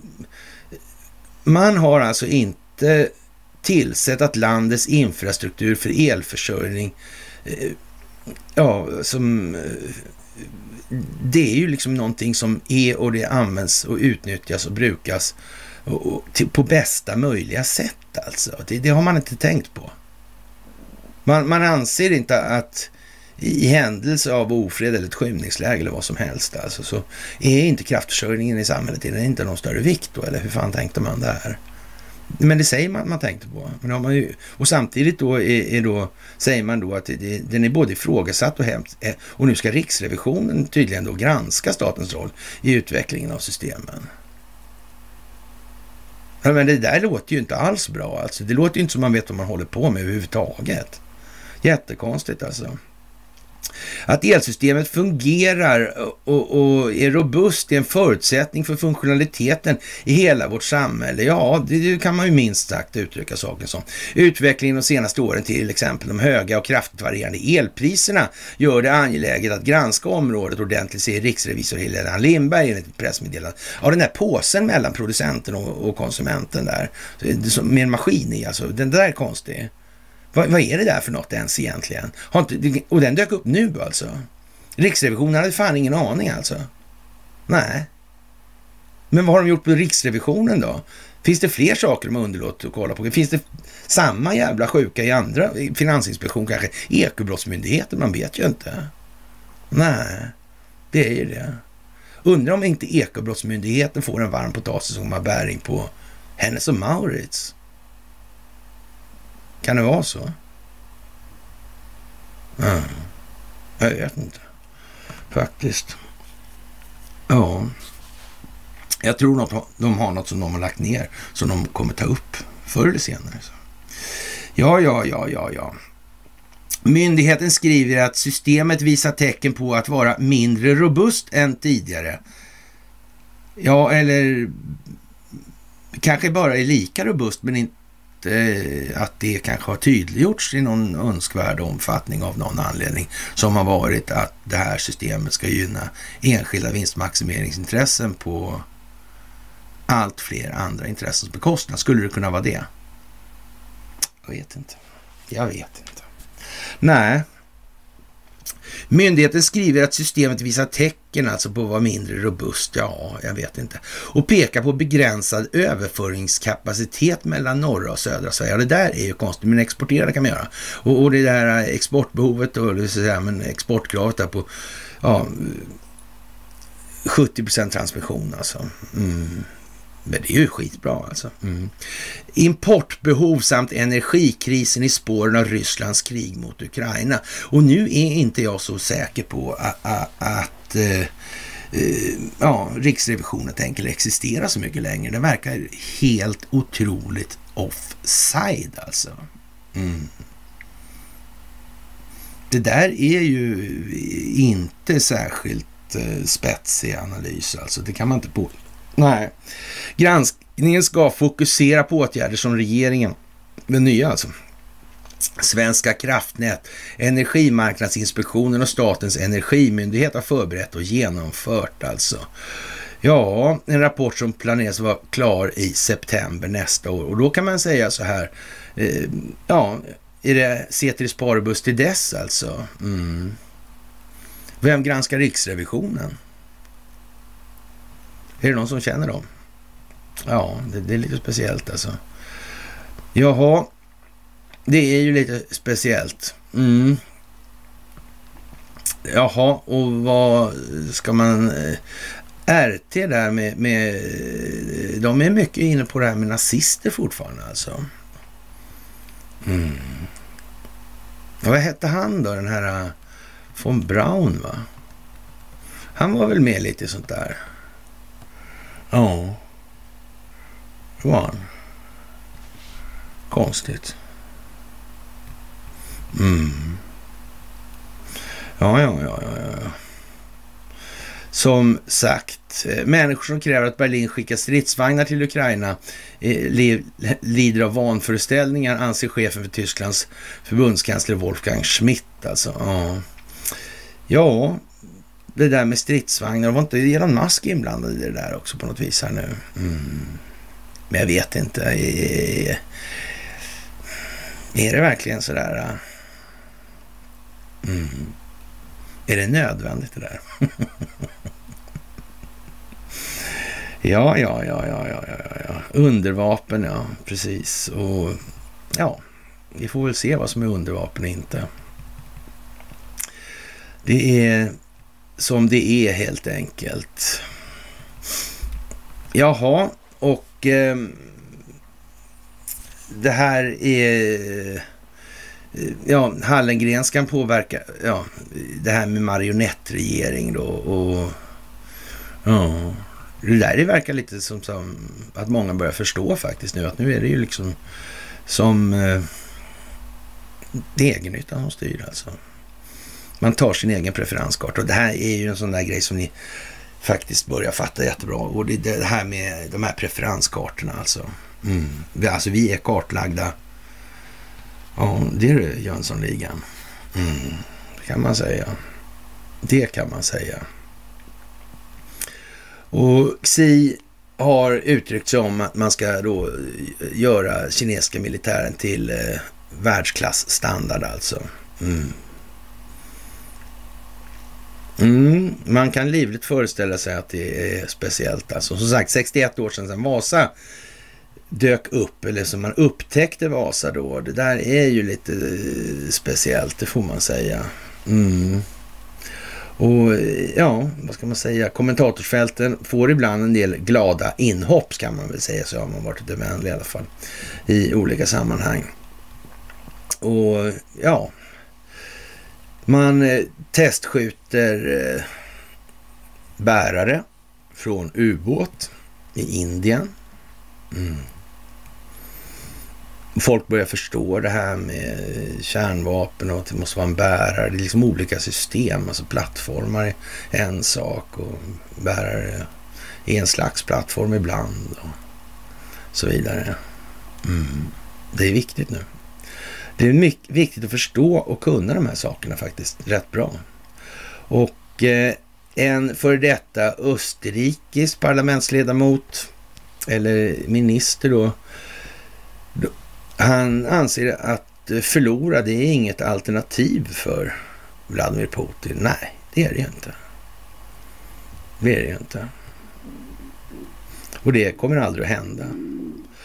Och eh, som sagt, det här med den här sfärerna som SEB, ABB, ABBA och, och Alfa Laval och Assal och Lundin Energy och Hexagon och Skanska och så, så här i all oändlighet.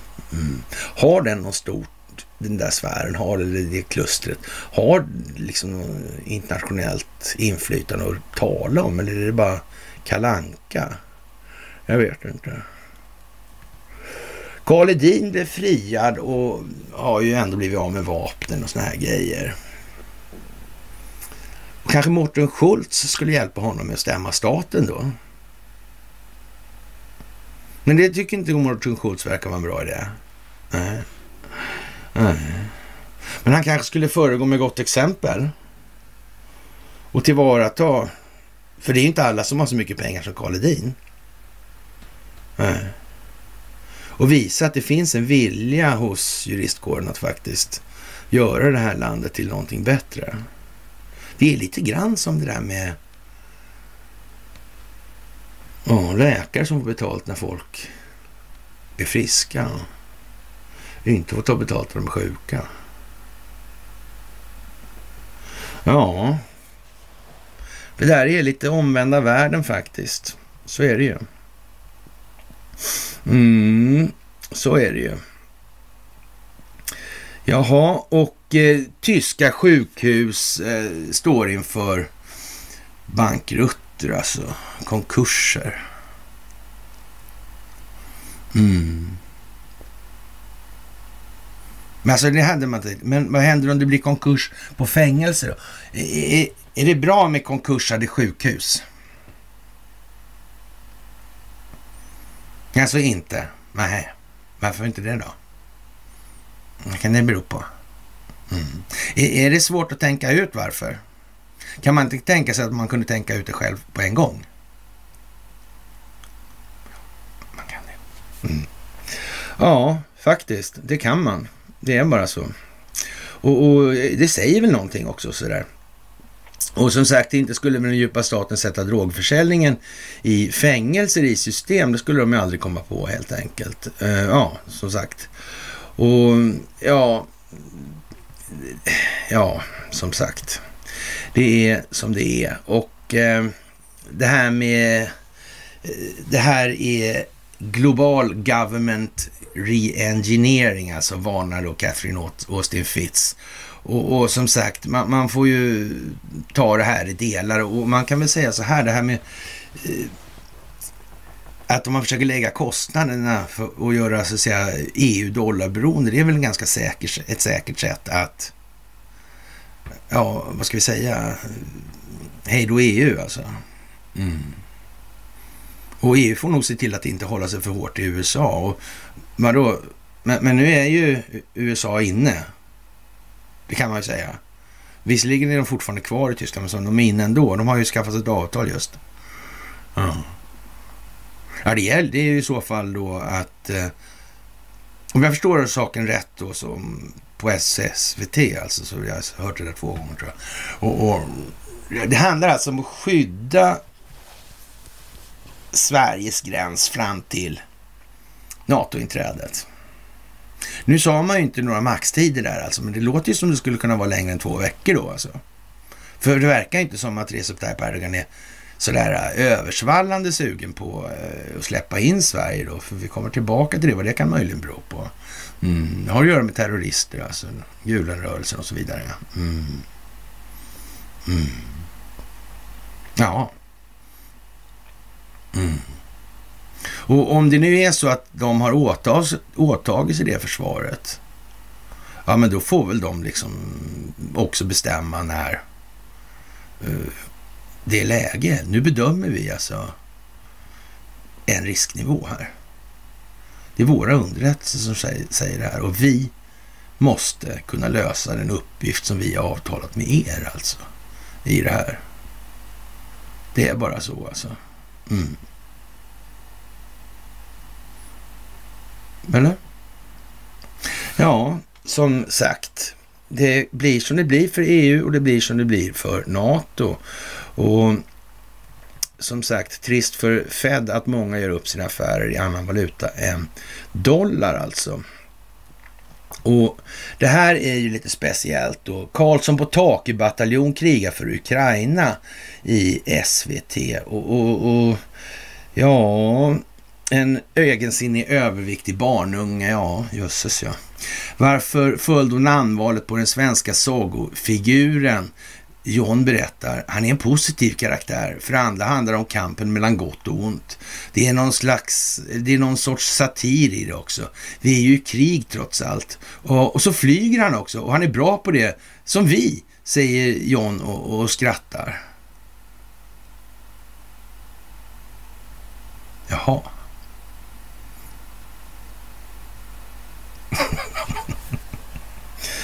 Ring a bell. Nej, kanske inte. Kanske inte. Ja, Kerstin tycker att Karlsson på taket var en obehaglig figur när, när jag var. Tycker man, jävla dryg jävla fettsäck alltså. Ja, okej. Okay. Det kan man ju säga. Jaha, och eh, ja när det ja, amerikanska storföretaget Nike skulle lyfta kvinnliga förebilder under Women's History Month så valde de att publicera en bild på Mariam med en påritad hijab. Medan iranska kvinnor under dödshot sliter av sig slöjan tar svenska feminister på sina slöjor för att skriva handelsavtal med regimen och Wallenbergs vägnar. Det här står i Expressen, en ledare av Hanif Bali, så, som i övrigt inte imponerar i någon stor utsträckning. Sådär. Men, men just det där var väl lite udda för att vara i, i det här. Då, Och väst har en unik meritlista vad gäller att stå på fel sida vid varje regimskifte i Iran. Frågan är om man lyckas välja annorlunda den, den här gången. Näst sista stycket, alltså sista meningen. Ja. Mm. Ja, vad ska man säga?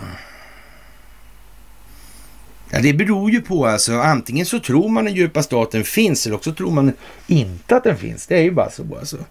Mm. Och, och, och, man kan ju till och med kanske veta att den finns om man då läser lite mycket sådär. Och så, då kan man ju faktiskt räkna ut att det kan inte vara på något annat sätt. Nej. Men det är ju som sagt det är ju det det är frågan om. Det, är det, ja. Unik meritlista vad gäller att stå på fel sida varje regimskifte i Iran. Ja, det kan man ju säga. Det kan man ju säga. Och eh, mm, som sagt, Tusentals vindkraftverk kan stängas av ägarna i vinter. Ja, lagom till vintern och en befarad elbrist kan många vindkraftsägare i Sverige komma att stänga av sina vindkraftverk av ekonomiska skäl. Magnus Karlsson äger flera vindkraftverk utanför Grästorp och enligt honom måste politikerna ge prisgarantier till ägarna så att försäljningen av el blir lönsam. Eh, ja, Nej, ni hörde inte fel alltså. Ni gjorde inte det. Ni gjorde inte det. Ja.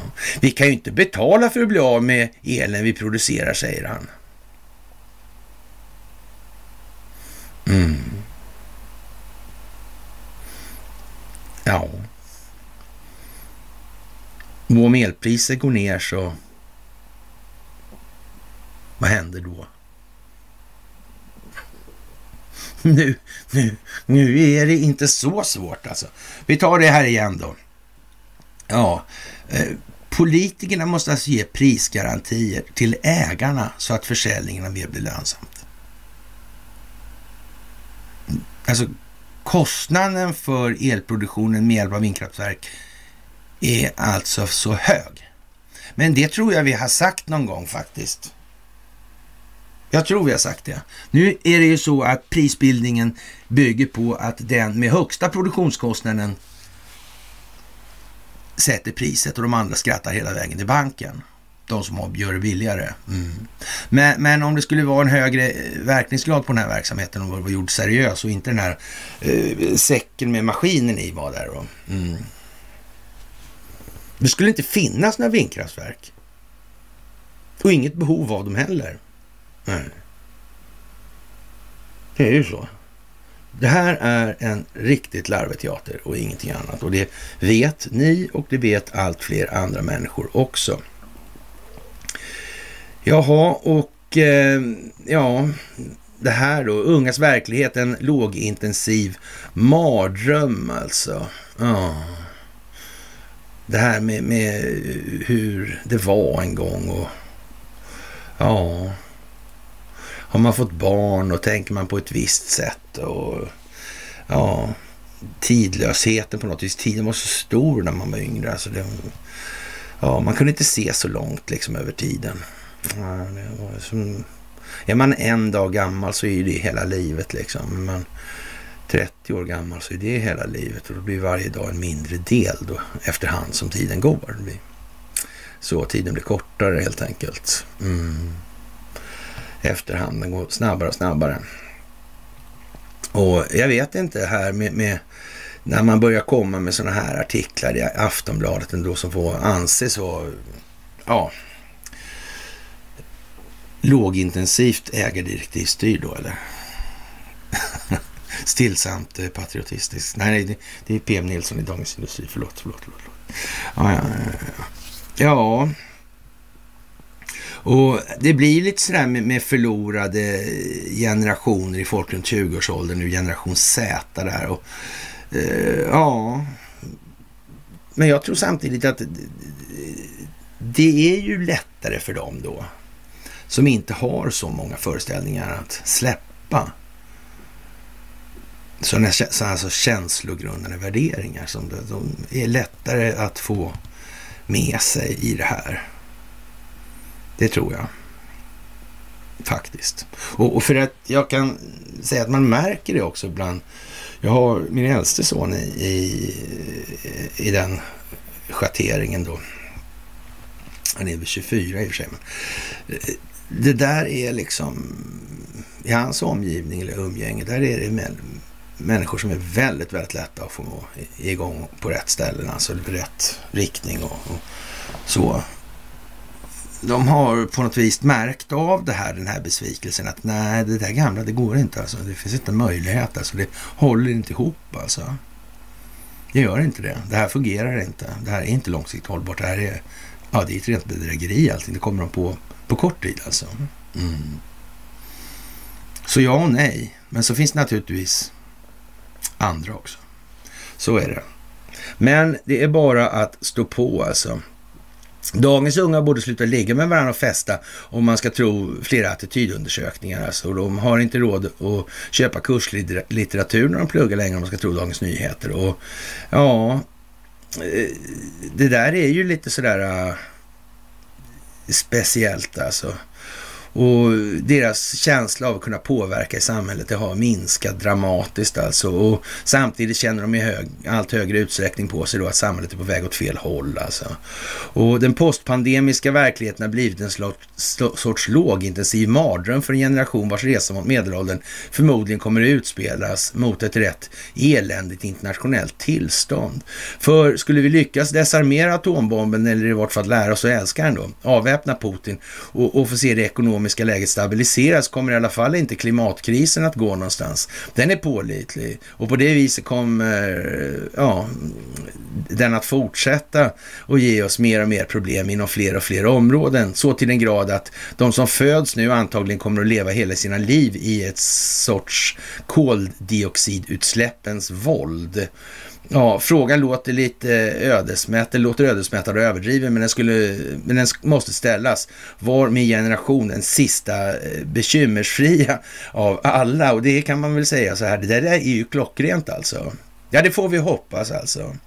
Vi får verkligen hoppas att eh, den generationen då, eh, ja, inte liksom eh, och det är hon Johanna Frändén det här alltså.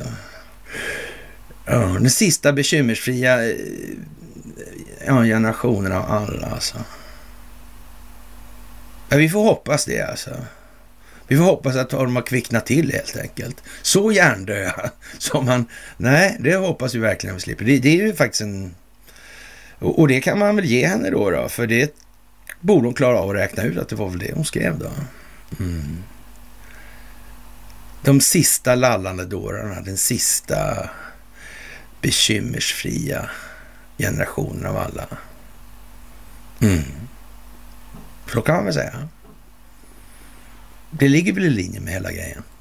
Det skulle jag vilja påstå, faktiskt.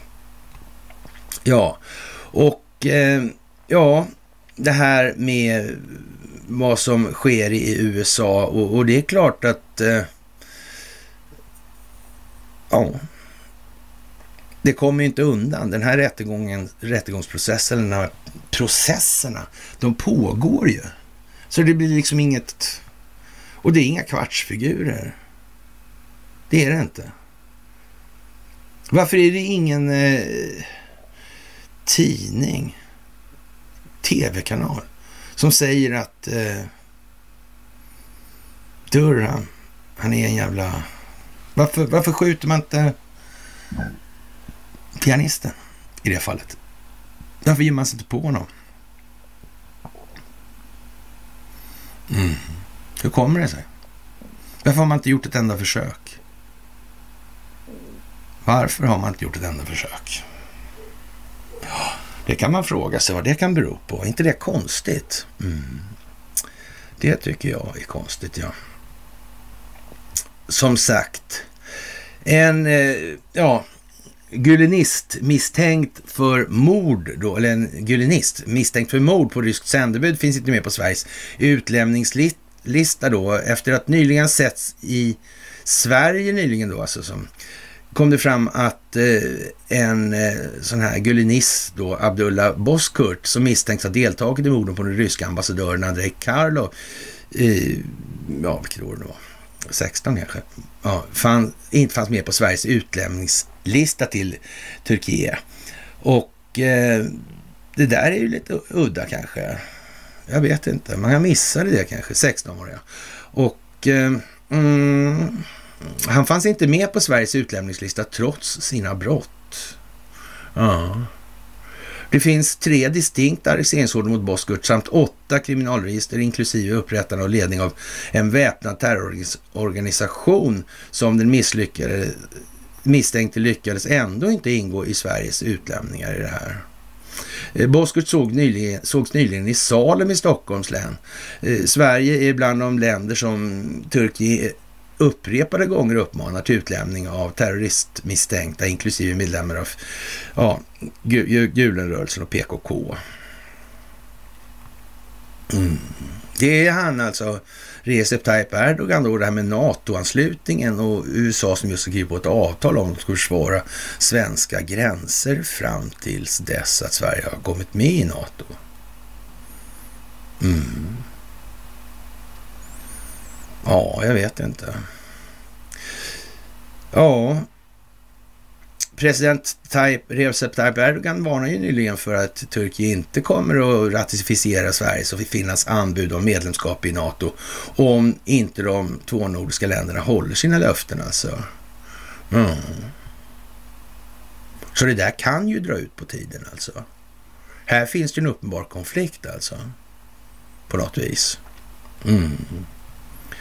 Och, och, det där är ju liksom jättekonstigt. Han dök upp i Sverige och, och grundade Nordic Monitor, en svart propagandawebsajt alltså som publicerar falska nyheter om Turkiet.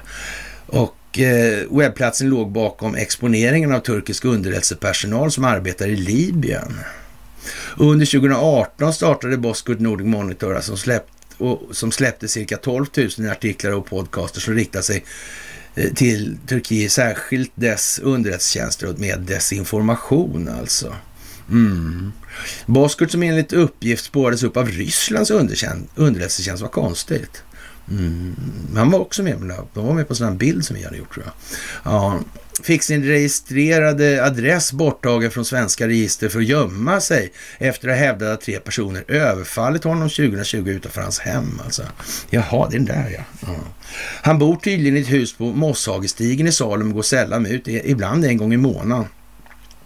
Båskurt ändrar tydligen eh, sin bild för att undvika att upptäcka odlade skägg alltså.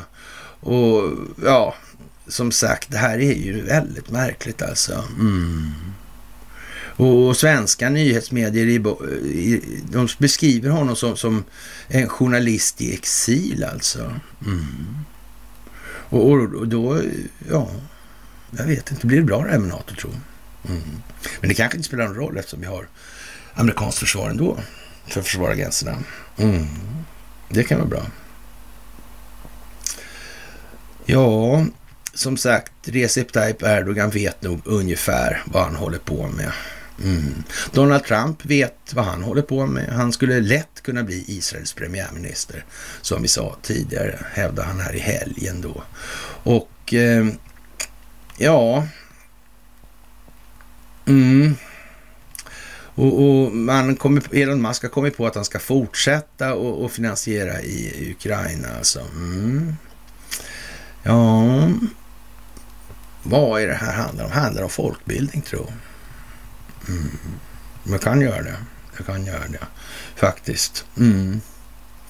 Faktiskt kan man tänka sig. Och det här med Truth Social alltså. Och nu är den på toppen på Android-appens då. Eller på Googles då. Och ja, Play Store. Det är någonting konstigt med allt det här. Det är förvärvsbolaget han har också. Ja och Musk och Twitter. Mm. Och nu fortsätter han att finansiera Ukraina. Ja, det är samma masker, det är två olika. Mm. ja, ja, men då är det ju så naturligtvis, som sagt. Eh, och eh, ja, alla medel som är nödvändiga då kommer man att vidta för att få till situationen i Taiwan, säger Xi Jinping. Och ja, det är väl naturligtvis som det är. Och det här med Anne Frank-kommentaren, jag vet inte. Ja. Det där är ju lite lattjo. Hur var det med Anne Franks dag?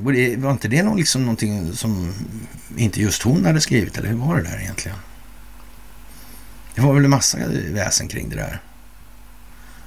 Ja. Men det verkar folk ha glömt bort nu. Men jag vet inte. Det är som sagt, det är som det är. Och ja, sådär alltså. Ja, vi får väl se hur det blir med den alltså. Mm. Och eh, påven klär sig i rött alltså och, och, han måste vilja ha ett nytt ekonomiskt system och, och som garanterar då mat och hälsa och, och så vidare. Mm. Och ekonomiska och sociala rättigheter. Och, ja, och ja. Mm. Trosmässigheten där. Ja, jag vet inte. Det där är ju lite speciellt ändå. Va? Vill jag väl påstå alltså. Och som sagt, det här med James Comey och Robert, Robert Mueller, då kommer det närmare och närmare. Och, och det är väl svårt att, att tro liksom att man kan underlåta att rapportera om det i svenska medier. Det kommer bli jättedåligt alltså. Mm. Och, och, bara det liksom att om de ska ta upp det då, då i alla fall och sen hålla grundstump på samma linje som man har gjort då. Det kommer se sådär ut. Alltså, och bara helt plötsligt göra 180 grader och hävda motsatsen. Det kommer ju se sådär ut alltså. Nu är arslet bak big time alltså. Mm. Och, och, folk kommer ju inte ens vilja bli förknippade med den här typen av jävla lökiga grejer alltså. Nej. Det finns inte en chans alltså. Ja, ja, det är speciellt värre alltså. Och Eh, mm, USA har alltså inga resurser längre att hålla Ukraina med vapen, säger man då i Islam Time. Så det, det, det, är klart att det kostar ju på om man håller på och ger bort vapen sådär. Och så kommer de inte till användning heller, på något vis. Ja, ja, ja, ja, ni fattar. Det är speciellt alltså. Och Glenn Maxwell är lite snacksalig nu så hon eh, bryter då tystnaden angående det här med Bill Clinton och, och jag vet inte. Som sagt, det finns en bok. En svart bok. Och inte, inte bara det, det finns naturligtvis hur mycket som helst i de sammanhangen, men det var ju själva grejen alltså. Mm. Och som sagt, det är inte nödvändigtvis så att hon har jävlats allt för mycket och dessutom är det med ganska stor säkerhet så att hon har faktiskt har, ja, sedan en ganska lång tid tillbaka eh, gjort någonting helt annat än vad det getts sken av alltså. Mm. Så är det också. Mm. Jaha, och Eh, för normalsvensken är det, framstår det eh, som helt ofattbart att det amerikanska folket än en gång skulle rösta fram Donald Trump som president. Men, men det finns flera skäl till att han trots allt skulle eh, kunna vinna ett val, skriver Wolfgang Hansson. Och, och jag vet inte, det här med ja, Wolfgang och så vidare, det blir bara bättre och bättre alltså. Och, och som sagt, vad ska de göra då? De kan ju inte hävda motsatsen mot, mot vad de har sagt hela tiden. Det ser ju folk nu. Alla vet, alla vet liksom vad Anders Lindberg går för i den, den meningen. Vad har hans opinionsbildningsinsatser syftat till? Och det är klart att de är så jävla värdelösa så det, visst finns go, go, goda skäl till att tro att han liksom han har ja, rättat in sig i ledet så att säga. Mm, visst. Och Wolfgang Hansson gäller detsamma och så vidare och så vidare och så vidare. Mm. Men hur kommer man ur det där då? Med heden i behåll. Svaret är det gör man ju inte. Och det vet de om. De är bara tvungna att köra. Man, det finns inget annat heller. Sådär. Och ja, det där... Eh, ja, som sagt. Man, man, får tänka till lite innan man, innan man skriver så mycket helt enkelt. Och eh, ja, det här med, med eh, valet som kommer nu, alltså det här med, med ja, Dominion och det här och, och, det där är inte så bra alltså. Nej. Och, och man avslöjar nog inte de här uh, valfusken så mycket ännu. Av det skälet att det gör man innan det här mellanårsvalet. Mm. Och samtidigt vill man ju inte ha liksom någon värsta panikreaktionen. Nej, det måste ske i samband med en massa, massa andra saker. Mm. Ja, annars kan det finnas liksom militära befälhavare och militära enheter som får för sig både det ena och det andra. Och, och det vill man helst undvika i det här. 500 barn om dagen kidnappas från Cherson i e-, etnisk rensning. Intern eldstrid mellan rysk trupp på övningsfält dödar upp till 22. FN uppger att Ryssland använder våldtäkt som strategi. Eh, munkavle uppma uppmanas om Cherson-fronten. Alltså, jag, jag, vet inte vad man ska säga om, om Korny. Alltså. Han är liksom, eh, ja. Korny är portugisisk slang för torsk alltså. Mm. Det kan man ju säga. Faktiskt. Ja. Och eh, ja, vad ska vi säga? Uh, ITER har ett ursprung som går att spåra till toppmöte på Island 86 mellan USAs president Ronald Reagan och Sovjetunionens ledare Mikhail Gorbachev. De ville hitta ett projekt som skulle göra världen bättre som de kunde samarbeta om för att minska spänningen mellan stormakterna. Valet föll på att lösa fusionskraftens mysterier alltså. Mm. Man kan säga att ITER är en produkt av det kalla kriget. Ja, kan man säga. Mm där låg i Piper. Hade träffat lite folk i helgen så hade vi det där uppe. Just det var konstigt alltså. Och, och mitt ute i ingenstans då så anläggningen som ska rädda jordens framtid. Alltså man håller på med den här fusionsanläggningen. Mm. Det här är lite udda alltså. I Aftonbladet också. Mm. Ja, det hade ju inte blivit så bra för oljeindustrin om det hade så att säga. Mm. Ja. Och de här transformatorerna på vägarna, ja, 150 ton tung och så vidare. Vad är det där egentligen? Mm. Uran är tungt. Faktiskt. Faktiskt. Ja. Och det går inte så bra för EU och Ursula von der Leyen, det kan man ju inte säga här. Och, och, och ja, vad ska man säga, Bryssel har det blivit rörigt. De gillar inte det där längre. Alltså, det verkar konstigt. Ja. Vilka är det som tjänar på det här egentligen? Det är väl bara globalisterna, tror jag. Mm. Märkligt i alla fall. Ja, som sagt, det är mycket som händer och Sverige och USA har alltså signerat ett nytt militärt samarbetsavtal. Och ja, det är ju mycket, mycket speciellt. Ett nyckelhålsmärkt NATO-medlemskap, alltså enligt Eriksson här.